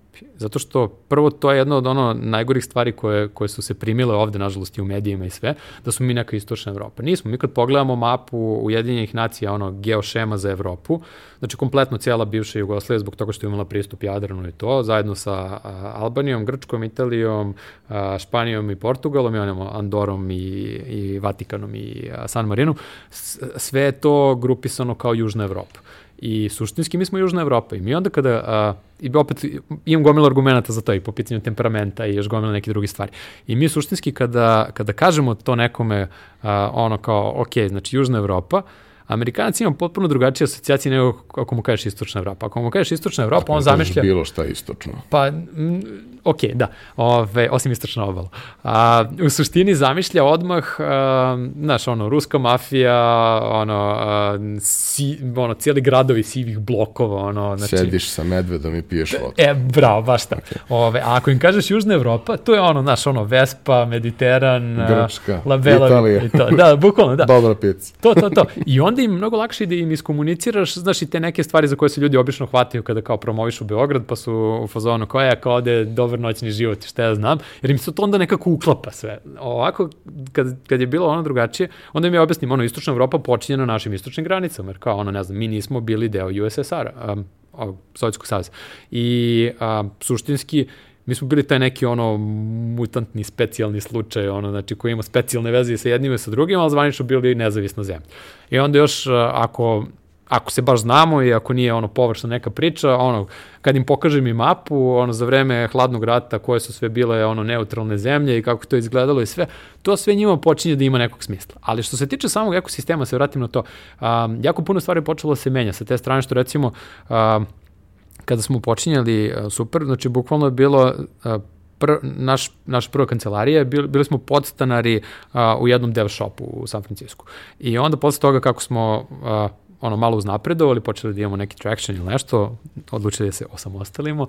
Ove, ovaj, onda smo iznajmili deo kancelarije jedne uh, kompanije za video igre, neki ono budžak ćošak koji njima nije trebao, nama je bio savršen u tom trenutku, onako za male troškove, pošto je San Francisco jako skup. I I meni je bilo potpuno fascinantno da kad sam se upoznao sa tim tipom koji je glavni u toj kompaniji za video igre, kao ono, upoznajemo se i on je iz Britanije, živi u Americi, ne znam, tipa 20 godina, i on, on kao, uh, evo, dakle si, ja rekao, Beograd, Srbija, kao, i on kao, ja rekao, verovatno ne znaš ništa, i on kao, a ne, ne, kao, znam ja sve, kao, ne znam, ja sarađujem sa Nordusom ili nešto. Rekao, okej, okay, znači, a taj lik je producirao gomilu nekih ono hitova od igara i sve to i opet ono svako malo je u Beogradu koliko sam razumeo ili kako već ide taj njihov aranžman, ali u suštini je to onako uradilo da u njegovom tom nekom segmentu se čuje za to. Opet s druge strane, um, ima iznenađujuće puno ljudi koji opet i kao i freelanceri sve rade opet za, za kompanije Silicijumske doline, tako da negde postoji, ono, ili, ono, totalni hit or miss, ono, znači, ili ono, pojma nema gde, su, gde, gde smo, ili su u fazonu, u, tamo se dešavaju neke zanimljive stvari, tamo imaju neki ljudi koji imaju dobro obrazovanje i kao ono, rade odlične poslove. Tako da sa te strane gledano, um, opet što kažem, baš je onako, zavisi s kim pričaš, uh, koliko, koliko je lako ili teško približiti mu dodatno neke stvari. Jer s jedne strane, recimo, opet što kažem, primer koji volim da onako prepričam, uh, moj jako dobar prijatelj, uh, iz 500 Startups gde sam mentor, uh, on više nije u 500 Startups danas, uh, kad je prvi put dolazio u Beograd, on mi je rekao kao, uh, ja ga pitam, ok, znači Srbija, šta ti zamišljaš kad ja kažem Srbija, znači šta je tebi u glavi i koja je to slika koja je ona pa, ti imaš? Crnog jastreba. da, da, da, da, bukvalno. I on mi je rekao, ono, mogu da budem otvoren skroz, jer ako molim te samo otvoreno, samo transparentno, kaže on meni, ovaj, spaljene ruševine, piče crni Toyota pick-up trakovi kroz sve to, klinci mašu kalašnjikovima na njima i nose one bandane šarene. Rekao, ćeš ti, ja si iznenadiš kad budeš došao. I ništa, došao u Beograd, zaljubio se u Beograd, bio posle toga nekoliko puta. I tako, tako da suštinski, ono, um, jednostavno to je neko ko je, kom je on odličan prototip toga koliko u stvari uh, koliko je njima onako eye-opening kad dođe ovde. Ovde je scena, mislim, u poređenju sa Silicon Valley je ono drastično manje, naravno, i u mnogo ranijoj fazi razvoja i sve. Međutim, opet, što kažem, gledajući u poslednjih sedam godina, naročito, znači, od kad sam otišao i opet da se vratim na to, ono, nis, današnja dijaspora nije ona stara dijaspora, u smislu stara dijaspora je dolazila tipa jednom u 10-20 godina i onda to svima doživlje i njima i njihovi porodici i rođacima i sve. A, mi u tehnologiji, hvala Bogu, imamo tu mogućnost i fleksibilnost da praktično većina nas dođe onako kada god nam se dolazi. Tako da sam ja u Srbiji negde između, ne znam, dva do pet puta godišnje, zavisi koliko mi se dolazi, koliko mi se ostaje koji put. A, I suštinski, sa te strane gledano, imam tu neku pa ne znam da li bi to, ajde rekao bi neku, neku formu privilegije, da nisam izložen možda nekim svakodnevnim negativnostima kojih ovde ima dosta, nažalost, a s druge strane opet mogu da sagledam u tim snapshotovima ono, u toku godine kao šta se, šta, šta se pomerilo gde od, od ove faze do ove faze. I, I to mi je onako potpuno jedna fascinantna stvar, zato što, mislim, bukvalno mi plastično omogućava da vidimo ono što, tipak, ne znam, kad gledate statistike, vidite da srpska tehnološka industrija raste po stopi od 25% u zadnjih 15 godina. I to sad onako kao deluje kao, ma nemoguće, ono kao outperformuje otprilike i, i američku berzu i sve ono kao zadnjih 15 godina. Ove, Međutim, zaista je tako, jer, što kažem, u poređenju sa onim dok sam živeo ovde gde nije bilo ničega suštinski, sada se ta situacija dramatično promenila i još će se menjati s obzirom da mislim da je došlo do te tačke ono point of no return da jednostavno sad to ima neki svoj život i ide dalje. Um, I sa te strane gledano isto um, mislim da ljudi sada sve više uviđaju koji rade u tehnologiji ovde, uviđaju prednosti tog povezivanja sa, sa najrazvijenijim ekosistemom na svetu za tehnologiju koji je ta zalivska oblast San Francisco. A, I generalno a, saradnjom sa inostranstvom i ono izbegavanje te ono neke izolacije koja je jako dugo, nažalost, bila prisutna. Um, I mislim da, će, da je to nešto što će se samo sve više širiti u smislu i otvaranja nekih uh, R&D uh, centara u Srbiji i što se tiče uh, kvaliteta toga da neki ljudi koji će možda proći neku, hajde kažemo, poslovnu školu ili šta već kroz neke različite a, a, strane tehnološke kompanije, pri čemu ne mislim na ove džinove koji su on listirani na berzi, ono tipa, ne znam, SAP, Microsoft i to, ove, i njih, ali pre, pre svega mislim na startupe, vidjet će kako se kobasica pravi, što se kaže, i a, neko od njih će reći, ono, ja ovo znam verovatno bolje da uradim nego ne, neki x odakle god i ono, skupit će ortake i kao, ok, pravimo startup. I, I sa te strane mislim da je to nešto što će sad dramatično obogatiti i oplemeniti ekosistem u sledećoj fazi, jer odjednom gomila ljudi će postati svesni nekih mogućnosti koje ranije nisu, nisu znali uopšte da postoje. Što kažem, ajde ne računam, ono, tebe i mene, mi smo ono dinosaurasi, ali ove, a, dobro se držimo. A, Bolje nego dinosaurasi. Apsolutno, da. Ove, a, ali s te strane, znaš, a, neki novi klinci nisu opterećeni uh, tim nekim ono prethodnim pričama sa te strane da uh, oni odrastaju mentalno u tom mentalnom modelu toga da startupi funkcionišu na isti način kako funkcionišu u Silicon Valley mi smo ranije morali da se dovijemo i na neki načine i šta ja znam, što je opet nam, nam obogatilo iskustvo na neki drugi način. Međutim, a, ovo sada znači njima omogućava da istovremeno lakše komuniciraju sa, sa ljudima u inostranstvu i da lakše imaju tu povratnu spregu, što onda kasnije se pretvara takođe u to da lakše će i bolje će razumeti kakav proizvod da prave, kome da ga prodaju i tako dalje. Uh, jedna od stvari u kojoj si uključen uh -huh. uh, je upravo napravljena sa ciljem da se u svim tim kontaktima ljudima pomogne i naprave neke, da kažemo, i, i, i da se malo skrati i pojednostavi put i daju neke informacije i sve ostalo. A, to je projekat uh, Serbian Entrepreneurs. Mm -hmm. um, o čemu se radi, kad je to počelo, u kojoj fazi je to sad i šta je to nešto što vi zapravo radite?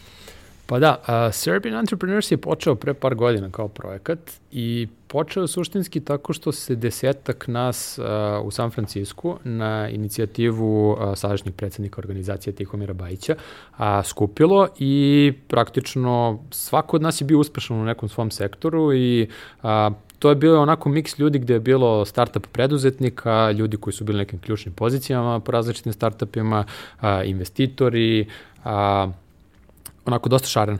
I mi smo krenuli da razmišljamo od toga kao, ok, šta ako bismo napravili jedno onako uh, kvalitetno selektovano izabranu uh, ekipu koja bi praktično mogla za početak, za početak da se upozna, jer kao većina nas se nije znala, ono, znali smo se preko nekoga nešto, da neko tamo postoji. Znali ste se preko LinkedIna. Bukvalno, znali smo se preko LinkedIna, to je bukvalno to. I onda, um, i onda znači, odatle se polako rodila ta inicijativa da uh, da mi napravimo organizaciju koja bi pomagala i podržavala preduzetnike srpskog porekla, bez obzira da li, su, da li je neko kao jako je ono, emigrirao pre 7 godina ili je to neko ko je recimo druga generacija imigranata, ko možda nikada nije bio u Srbiji, ne govori srpski, ali on kao ima srpsko ime i ide u srpsku crkvu tamo ili šta god već.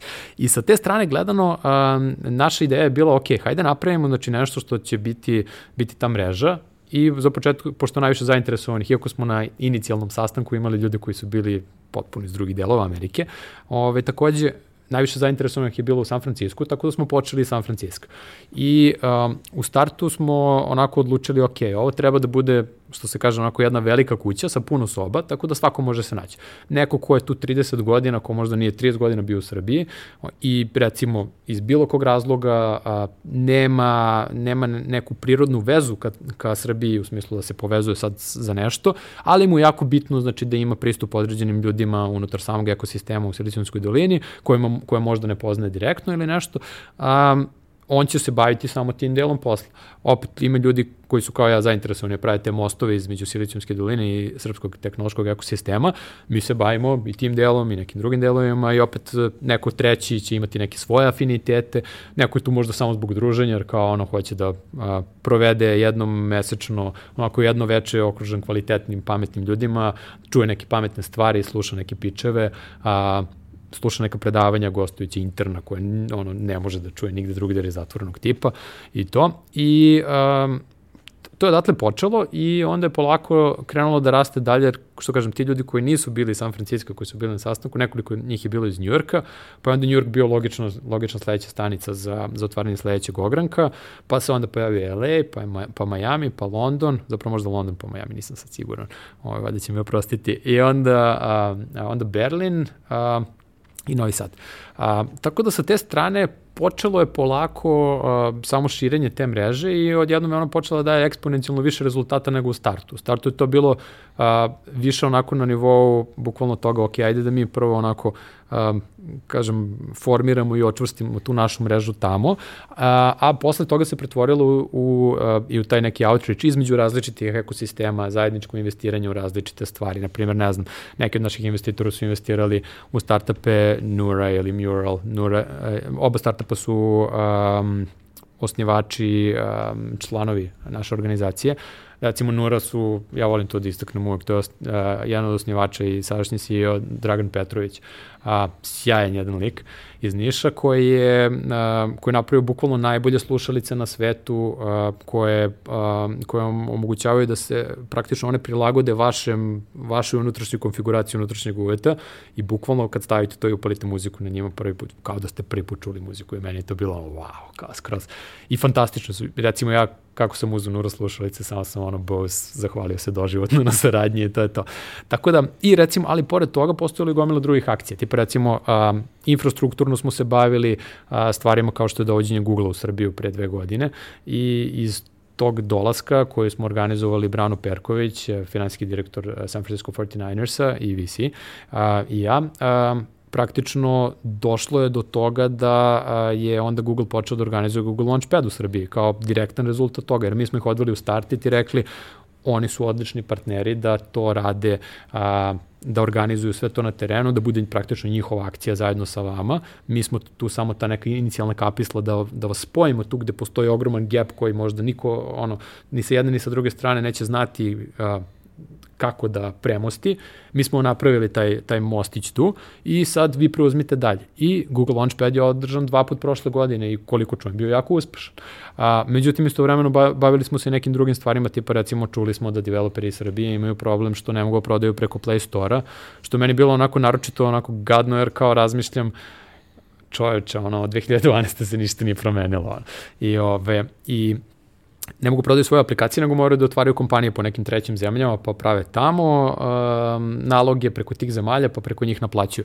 I onda smo organizovali sastanak sa premijerkom i sa a, njenim timom za IT preduzetništvo i praktično krenuli da rešavamo taj problem. I to je onda već odmaklo onako solidno, međutim kao i sve drugo što ima veze sa nekim plaćanjima, to u Srbiji traje jako puno, tako da ja se nadam, znači da će to da se reši do kraja ove godine, Ove, ali recimo to je još jedan primer. Onda imali smo organizaciju isto inkognito poseta egzekutiva iz drugih velikih kompanija tehnoloških iz, iz Bay Area, koje su praktično dolazili i upoznavali se sa ekosistemom iz različitih motivacija. Neki od njih, slično kao Google, da bi praktično videli uh, da, li, da li ima smisla uopšte otvarati, povezivati se i sa ovim tržištem na neki način. Neki od njih opet zato što su uh, planirali određene uh, proizvode ili događaje ili šta god, znači koje su vezane za ovo tržište, pa smo bukvalno mi njima na neki način uh, omogućili jedan onako VIP behind the scenes look da popričaju sa ključnim ljudima u različitim oblastima, koje opet mogu da im kažu kažu ok, znači ovde, ono, na trenutnoj mapi ekosistema u ovoj oblasti smo ovde, ovde ima još puno da se radi, ovde kidamo i tako dalje. I sa te strane uh, I opet imamo i uh, dosta, dosta drugih stvari tamo, tipa recimo um, sama ta mreža, baš zbog toga što je toliko a, bogata ljudi sa različitih, iz različitih lokacija. Takođe smo radili i a, ono što se popularno zove founder dating, u smislu da bukvalno povežete foundere koji se ne poznaju pre toga i da praktično oni zajedno pokrenu nešto. Tako recimo kompanija Alchemy Cloud nastala tako što je Saša Novaković iz San Francisco koja ne govori srpski, nikad nije bila u Srbiji pre toga i sve. Ona je bila CEO startupa, mislim da se zove Tiz. A, I s druge strane, a, Marko Gaćiša u Novom Sadu koji je imao svoj tim a, developera, Saša je imala odlične biznis veze tamo, znači praktično uh, njegov startup se zvao Dry Tools, um, oni su radili sad joint venture, spojili se skroz i sad Saša donosi sve benefite poznavanja američkog poslovnog sistema i, i opšte klijenata i direktne komunikacije sa nekim ko komunicira na način na koji su oni navikli. S druge strane, Marko do, dovodi odličan inženjerski talent i puno godina iskustva i to je jedan, jedan onako jedan odličan primer za, za nešto tog tipa. Međutim, što kažem, opet i sama, sama ta predavanja koje imamo na našim sastancima, ovo je sad više ono benefit koje je više za članstvo, ali a, ona su jako kvalitetne jer imamo neke jako zanimljive likove tamo. Mislim, ajde na stranu što imamo neki ljude koji su imali egzite bukvalno u nivoima ono nekoliko stotina miliona dolara i slično, nego što imamo i, na primjer, Stefan Stokić, on je a, najmlađi CEO koji je ikada primljen u Y Combinator, mislim da je imao da li 16 ili 17 godina kada je primljen. I ove, on je napravio sa, našao je co-founder koji isto bio maloletan ovaj, u Kanadi, mislim da je u Vancouveru, ako se ne varam, ili mislim da je Vancouver. Um, I onda praktično njih dvojica su napravili tu neku svoju kompaniju koji su onda pičovali YC, YC se oduševio, u, kao strava, talentovani klinci i sve. Uh, međutim, oni su bili maloletni, pa nisu mogli čak ni sami da sednu na avion da lete za San Francisco, nego ono, mama i tata morali sa njima i sve. Što opet fantastično, jer ono, pokazuje taj široki raspon da Serbian Entrepreneurs nije, nije pravljeno ono nužno opet za jedan fotomodel ljudi, nego je pravljeno bukvalno za a, uopšte pomaganje i, da kažem, uzgajanje na neki način te globalne a, startup mreže a, srpskih preduzetnika i ljudi koji su vezani za ekosistem. A, s jedne strane, što kaže, nama je otprilike neki 90-95 5% ljudi u mreži se, su iz tehnološke industrije, logično. I imamo neki ljudi koji nisu. Ono što mi je interesantno da ti neki ljudi koji nisu sada prave korake da se prebace u tehnološku industriju ili kroz neki procese opet koji bi se danas ukarakterisali kao digitalna transformacija njihovih biznisa ili u jednom slučaju, na primjer, kroz vrlo Ove, ne znam dokle stigu projekat, pa ne smem ništa da pričam, ali um, kroz jedan vrlo interesantan model primene uh, novih tehnologija uh, u nečemu što je opet onako percepirano kao vrlo starinska industrija. Tako da, sa te strane, Serbian Entrepreneurs je mnogo stvari za mnogo ljudi, ali ono što se trudimo je da pre svega kao jedna neprofitna mreža dajemo, dajemo neku vrednost što ljudima koji su članovi organizacije, što različitim ekosistemima u kojima smo prisutni, što u krajnjoj liniji onako celom svetu na neki način. Za kraj bih volao da, pošto si mi dao baš dobar šlagvort uh, u ovom prethodnom delu, da napraviš jedan presek i, i, i da daš neke savete ljudima koji razmišljaju o tome da možda odavde prave neki proizvod koji bi bio mm -hmm.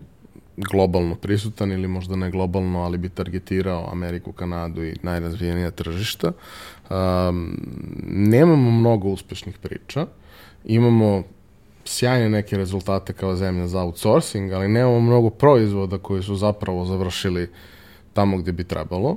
I negde mi se čini da tu postoji jedan vrlo uh, ustaljen model zašto se to dešava, pattern neki, zašto je to baš tako. Uh, šta ti misliš? Zašto? Baš me zanima.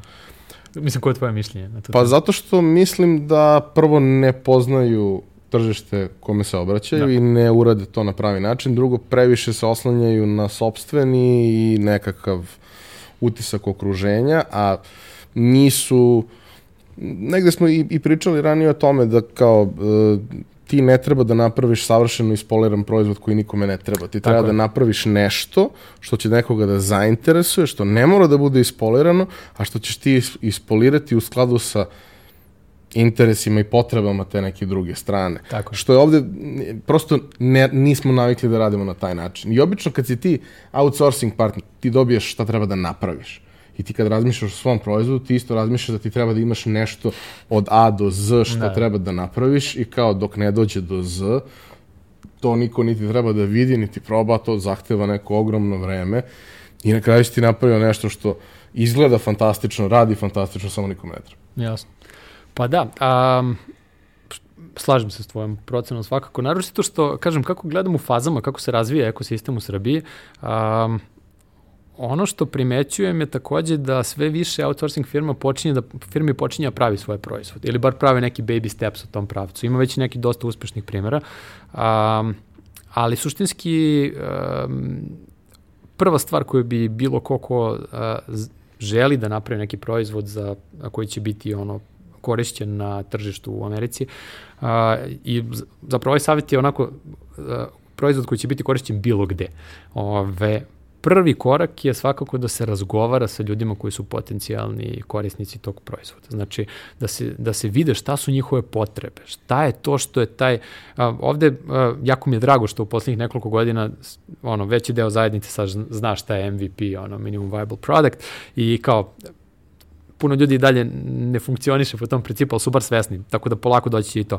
Ali suština je da, da bukvalno to što si rekao, znači da identifikuješ šta je ta neka potreba koja je ono, najosnovnija, bez, šta, a šta su te neke stvari bez kojih se može u početku i šta je to što nudi tu, to osnovno zrnce vrednosti, makar to delovalo kao igračka u poređenju sa nečim ono ultra kompleksnim. To je recimo je Clayton Christensen jako lepo objasnio u onom uh, The Innovator's Dilemma. Uh, što rekao u suštini, kako se dešavaju sve te, ne, znam sad na srpskom kako bi se prevelo disruption, disrupcije ili tako nešto, ove, a, tradicionalnih ili ustaljenih kompanija u nečemu, tako što nešto bukvalno počne kao igračka. I ovi ga totalno otpišu i budu u fazonu mat, kao, znaš, ono, kao, a, tipa, ne znam, Microsoft za a, Google Docs kad se pojavio bio u fazonu, ma ne, sta, može da menjaš ono, kao dalje bold ili nije i kao ne može ovo se takmići sa, sa Wordom ono, fast forward koliko, 15 godina, znači to tržište dr dramatično drugačije izgleda, ali sam um, Google Docs izgleda potpuno drugačije što se tiče feature, znači što se tiče tih stvari koje on omogućava svojim korisnicima. I on je sad već jedan paket koji, ono, jedan na jedan može se takmići sa bilo čim, plus ne, uz neke unikatne stvari. A, Međutim, što kažem, u početku je bilo samo, aj recimo kad smo pomenuli Google Docs, to je ono, ajde se držimo toga šta je najosnovnija stvar. Ako je najosnovnija stvar da, ono, za a, procesor teksta, ono, word processor, kao da ja treba da, da otkucam nešto, znači ti možeš to da otkucaš, možeš nešto vrlo basic da ga formatiraš i možeš da ga šeruješ sa nekim, ne, nekim što je ono, unikatna, jedinstvena stvar konkretno za taj model. I, a, I to je kao sad, znači bukvalno počinješ od toga, I onda polako, kako ti dodaješ nove stvari, znaš, e, korisnici koji su u fazonu, ok, ja ne koristim 95% Worda, a plaćam za njega, prebacit ću se na Google Docs ili koji god drugi primjer bio.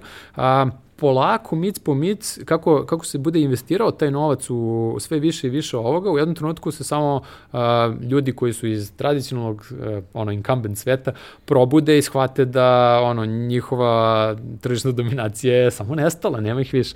Ove, ili dramatično smanji njihov tržišni udeo ili nešto slično. I bukvalno, ali opet, u korenu toga je razgovor sa korisnicima, identifikacija toga šta je to što njima zapravo treba. I uh, meni je super sa te strane strane sad uh, ogroman ovaj ceo taj bukvalno tsunami trend koji se sad dešava, na primjer, sa no-code aplikacijama. To, to je onako isto jedna jako zanimljiva priča, ne znam koliko sad imamo vremena za to, ali suštinski softverski inženjeri su u današnje vreme najviše uzbuđeni zbog serverlessa, zato što odjednom omogućava da preko a, ono, na vrlo jednostavan i scalable način a, pozivanjem funkcija vi možete kao ono Lego kockica pravite aplikacije i servise. S druge strane, biznis svet i ljudi koji nisu sa tehničke strane su najviše uzbuđeni zbog no-code pokreta. Znači, a, servisa kao što su recimo Bubble, koji bukvalno svakome omogućava da može da napravi kompletno celu ono web aplikaciju sa vrlo kompleksnim stvarima stvarima tipa ono two-factor authentication i šta ja znam. Mislim, kompleksno za neko ko ne zna ništa a, sa te strane. Znači, a, i, a, i gomila nekih stvari kao što su ono Airtable i ne znam, Zapier i tako dalje. I praktično a, u ranim fazama kada se razgovara sa korisnicima i kada se testira neka ideja, A, u puno slučajeva čak nije potrebno ni praviti, ono, mislim zapravo, MVP potrebno praviti, ali ne u onom smislu kako ljudi zamišljaju, u smislu, ok, sad ćemo napravimo kao cijelu aplikaciju i sve to. Ne, nekad bukvalno MVP ono, uh, Google, Google uh, Sheets, uh, Google uh, Forms uh, koji je povezan na, na Airtable i koji nešto radi ili recimo neki od drugih tih provajdera za formulare koje imaju podršku na primjer za Stripe pa može da se naplati nešto jer bukvalno sa tim, nekad je čak i tako mali setup koji bukvalno za jedno popodne može se napravi, dovoljno da se testira neka ideja, da se vidi da li uopšte to što se kaže ima zube ili nema zube i ako nema, da ne gubite vreme na to.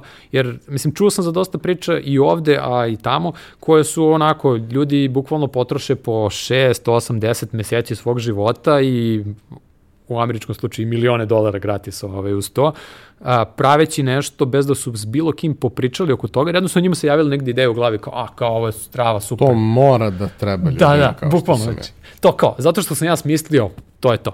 I ovaj, imao sam prilike da pričam sa nekim od takvih timova ovde dok sam mentorovao um, startupe u Srbiji u prošlosti i to je bukvalno jako nezahvalno uopšte iskomunicirati tim ljudima da uh, oni su, ono, tipa, ne znam, upoznaš nekoga i taj neko je ono, tipa, već godinu dana pravi nešto, pri čemu on nije ni jednom izašao iz kancelarije da popriča sa nekim da vidi da li to nekome zaista treba, da li je, je ta forma za koju se ono predelio za to ono prava stvar koja će taj, koju će taj neko prepoznati da njemu rešava taj problem i na koji način i tako dalje. I, ove, i to je, to je nešto što je onako u korenu puno neuspeha startapa i um, Međutim, ima još jedna stvar koja, koja mislim da je isto, ako ne toliko važna, onda onako jako blizu, ove, a to je problem distribucije. To je, to je isto nešto što čak i da napravite, obično je ta, to manje problem ako se opredelite za taj neki MVP koji je onako a, pogađa osnovne stvari i nema previše, što kažu amerikanci, ono bells and whistles, ono nepotrebnih, a, i kao to testirate i polako onda radite odatle. To obično a, ispadne ok na kraju. Međutim, naročito ako ljudi se opredele u startu za perfekcionizam i kao, ok, ovo će da bude savršeno, izgledaće da može da dobije ono, ne znam, pet webi nagrada i šta ja znam, i kao, i svi će mi zavide i na driblu će da se šeruje, ne znam kako se ne znam šta dešava ili nemam pojma gde, ono, Hacker News će da pogledaju kod da kažu, it's magnificent, što se redko dešava tamo. I, ove, i suštinski, uh, problem je što uh, obično kada se puno potroši vremena na to, malo se vremena potroši na distribuciju. A ona statistika što kažu kao 90% startupa propadne, to nije tačno. Znači, zvanična statistika je negde oko 50, malo preko 50% propadne, ali od ti koji propadnu, 90% propadne zato što nemaju rešen model distribucije. A to je ono, znači, kojim kanalima se prodaje tvoj proizvod. E, internet dok je bio mali, moglo je ono, build it and they will come. Danas više ne može to. A, I to je ono, jednostavno, mislim, desi se nekom, ali to ono 1, 10 miliona. A, ali suštinski, Znači morate da znate ko su vaši, ko, ko su vaši korisnici, kako vi komunicirate sa njima, koji su to kanali, a, koja, koja je cenovna politika za njih, znači kako izgleda ta cenovna politika, da li je to ono platiš jednom imaš doživotni pristup ili je to neka mesečna pretplata ili je koji god drugi model.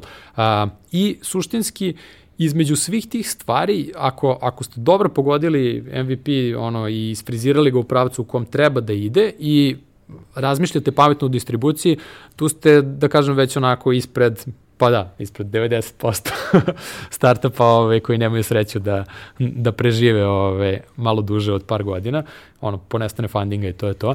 A, dok a, ovo je dosta žilav model, jer vam s jedne strane je naporan, jer vas stavlja, bez obzira da li ste podigli par od investitora ili ne, stavlja vas u, u rovove sa te strane da vi morate da pričate s tim korisnicima i kad su srećni i kad su nesrećni. Kad su nesrećni, oni će vam vrlo staviti do znanja da ono da je to najgora stvar koju su oni nikad koristili, bla, bla, bla, ali poenta da, ali poenta je da suštinski uh, to je sve neki feedback koji opet može da se ubaci u ceo taj feedback cycle i da se nešto radi na kontu toga što će unaprediti taj proizvod, rešiti taj problem za njih i tako dalje.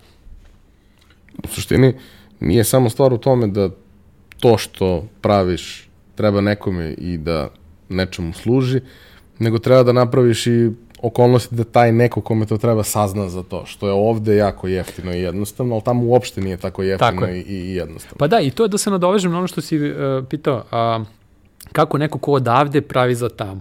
Znači, moj prvi savjet bi bio, ako ikako moguće, znači, ono, bukvalno po stepenu od najboljeg scenarija do najgoreg.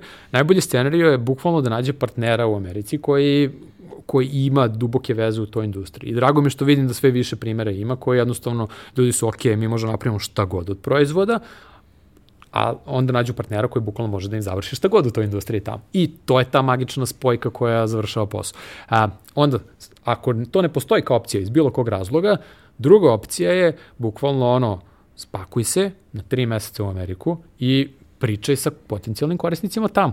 A, to sam vidio jako puno uh, u San Francisco što se tiče dolazaka uh, domaćih kompanija, tehnoloških, mislim, aj na stranu sad outsourcing kompanije koje sve imaju istu žvaku, ono kao dođu, urade ekspediciju, provozuju se ono od SF-a do LA i kao pičuju gomilu klijenata, mislim to je u krajnjoj liniji njihov posao, Ove, ne, ali što se tiče samih startupa ili kompanija koje imaju projekte koje imaju potencijal da postanu startupi i oni sada sve češće dolaze tamo i uh, bukvalno razgovaraju sa potencijalnim klijentima da vide da li je to što razmišljaju pravi ili što su počeli da prave tačno ono što ispunjava potrebe tih ljudi jer znaju da bukvalno ako pogodi vidiš tačno tu žicu. U puno slučajeva bukvalno će ti ljudi reći ono, ono, bukvalno platit ću vam, ono, e, znači, vaše troškove da završite proizvod. Znači, zato što meni to treba, a to ne postoji trenutno. I to je, ono, taj, ta zlatna žica kad se ubode, to je onako idealni scenarij. Ali čak i ako se ne ubode to, ako se ubodu samo, znači, ti osnovni delovi, šta se očekuje, koje su alternative trenutno, kako se korisnici snalaze a, bez ičega i tako dalje, znači, to opet ima jednu ogromnu vrednost. E sad, sledeća opcija od toga je, pošto hvala Bogu ono imamo internet, svi smo povezani, um, postoji bezbroj zlatnih rudnika za to istraživanje, ako neko nema novca da ode u Ameriku na to ili ne želi iz bilo kog razloga ili postoji neka druga objektivna prepreka, mislim, ne znam, ono, tu je Reddit, tu je ono, Twitter, tu je zilion drugih kanala gde bukvalno ljudi mogu da vide i da istestiraju da li nešto funkcioniše. U krajnjoj liniji to može čak i da bude na nivou ono Kickstartera ili nešto. Znači, tipa, ne znam, pomenuo sam Nura slušalice Draganove, Dragan sad živi u Australiji, znači, ovaj, tako da ćemo i tamo morati da pravimo ogranak. Um, on je recimo uh, praktično, oni su imali prototipe za slušalice, oni su testirali ta, da li postoje interesovanje uopšte za nešto tako na Kickstarteru. Izašli su na Kickstarter i kao, ok, mi ono, imamo ovo, hoćemo da pravimo kao prvi production run i mislim digli su, digli su 2,6 miliona dolara na Kickstarteru. Tako da odgovor je bio ono resounding yes, onda kao ok, hoćemo. Ove, tako da postoji puno tih različitih modela kako to da se testira, čak i ono, da kažemo, um, ono što bi bilo na, na dnu, ono, znači odmah iznad onog, ne pričaš ni sa kim i kao ono, sam sa sobom razmišljaš kako se svet funkcioniše bez tih inputa eksternih, ove, to je bukvalno samo ono, izađi u zajednicu ovde i pričaj sa ljudima. Znači, a, ima jako puno, puno pametnih ljudi u tehnološkoj zajednici u Srbiji i, i jednostavno nema razloga da se ne dobije taj neki feedback. Ima jako puno e, naših ljudi, opet što kažemo, ono, i u dijaspori u krajnjoj liniji i ono, Serbian Entrepreneurs je recimo otvoren da daje feedback i da, da, da pomogne u nekim slučajevima, znači gde to ima smisla, znači gde identifikujemo da, da možemo da pružimo neku vrednost.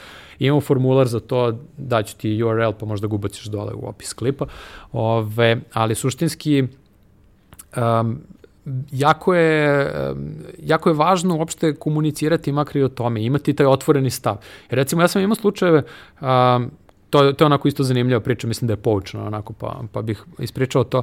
Um, imao sam slučajeva da čak neki ljudi koji onako na vrlo bukvalan način ono, dolaze vrlo pedigrirano i očekivali bi da, da imaju ove, um, određena znanja što se tiče industrije u kojoj su se upustili, um, traže, na primjer, moj savet vezano za neki proizvod koji spremaju, ja kao, ok, kao hoću da ti dam ono, neki feedback, pošalji mi pitch deck ili šta je već bilo u tom trenutku, i onda ti oni kažu, a ne, ne, moraš da potpišeš NDA kao non-disclosure agreement, kao da potpišeš da bi im dao savjet, mislim, kao potpuno besmislena stvar.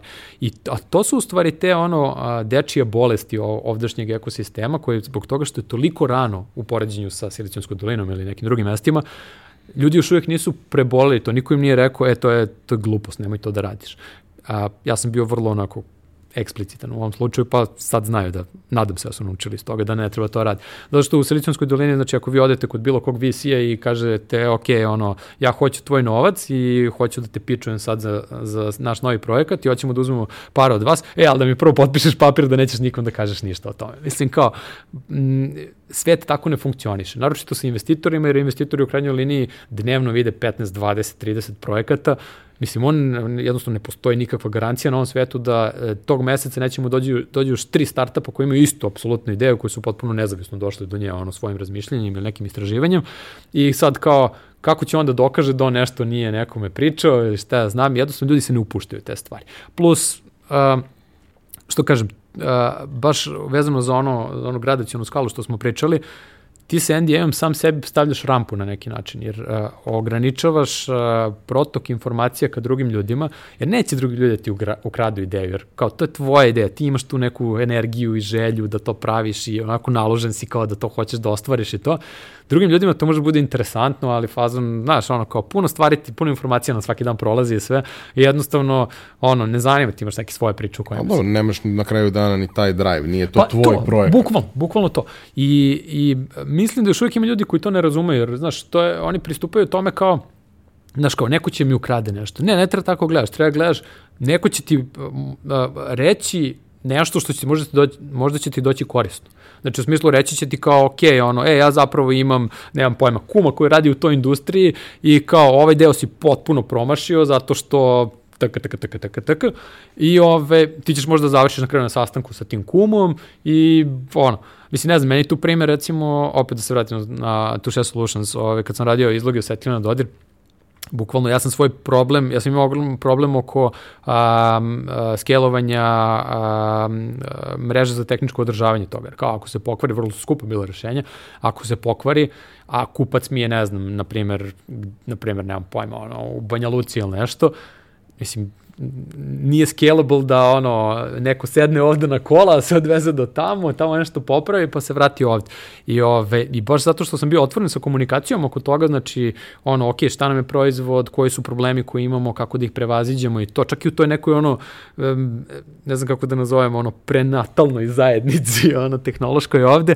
Ove ja sam onda um, upoznao, mislim smešno je onako na filmu, ono, upoznao sam na golfu, na golf akademiji, lika koji je, um, čiji kum je bio nešto koji je bio povezan dalje sa nekim i onda na kraju kroz pratići ceo taj lanac, ono, ljudi s kojima sam ja otvoreno razgovarao o tom izazovu koji sam imao u tom trenutku, na kraju to rezultiralo time što sam potpisao ugovor sa Energoprojekt Energodatom da oni to servisiraju pošto imaju prisustvo u svim tim nekim tržištima i to je kao i napravili smo cijeli model oko toga koji je bio ja bih rekao toliko zanimljiv da je na kraju pokriven u jednoj studiji slučajeva koji je izdao najveći izdavač studija slučajeva na svetu, Emerald iz, uh, iz UK. Tako da sa te strane gledano, jako je važno biti transparentan i otvoren, jer u krajnjoj liniji bukvalno ništa što bilo ko smisli nije originalno danas. Previše nas ima na planeti, mislim, ne u smislu da nešto treba smanjujemo ili bilo šta, nego jednostavno ima nas puno na planeti, puno ljudi razmišlja, preko 50% je povezano na internet, uh, puno je tu ono milijarde iskustava, milijardu ideja, milijardu svega i ono šanse da ste vi zaboli baš nešto što ono niko drugi nigde nikada nije smislio su stvarno ono nula. A s druge strane možete da ubacite taj kolaborativni moment i da praktično dobijete sve benefite toga da vam a, drugi ljudi pomognu oko toga umesto da se začaurite i zatvorite u neku svoju kutiju i da posle godinu i po dana rada na nečemu otkrijete da to jednostavno ono što smo pričali nema zube, ono koje jednostavno ništa na tržištu niko neće to kupiti, on čuje se cvrčci kad se to uradi launch.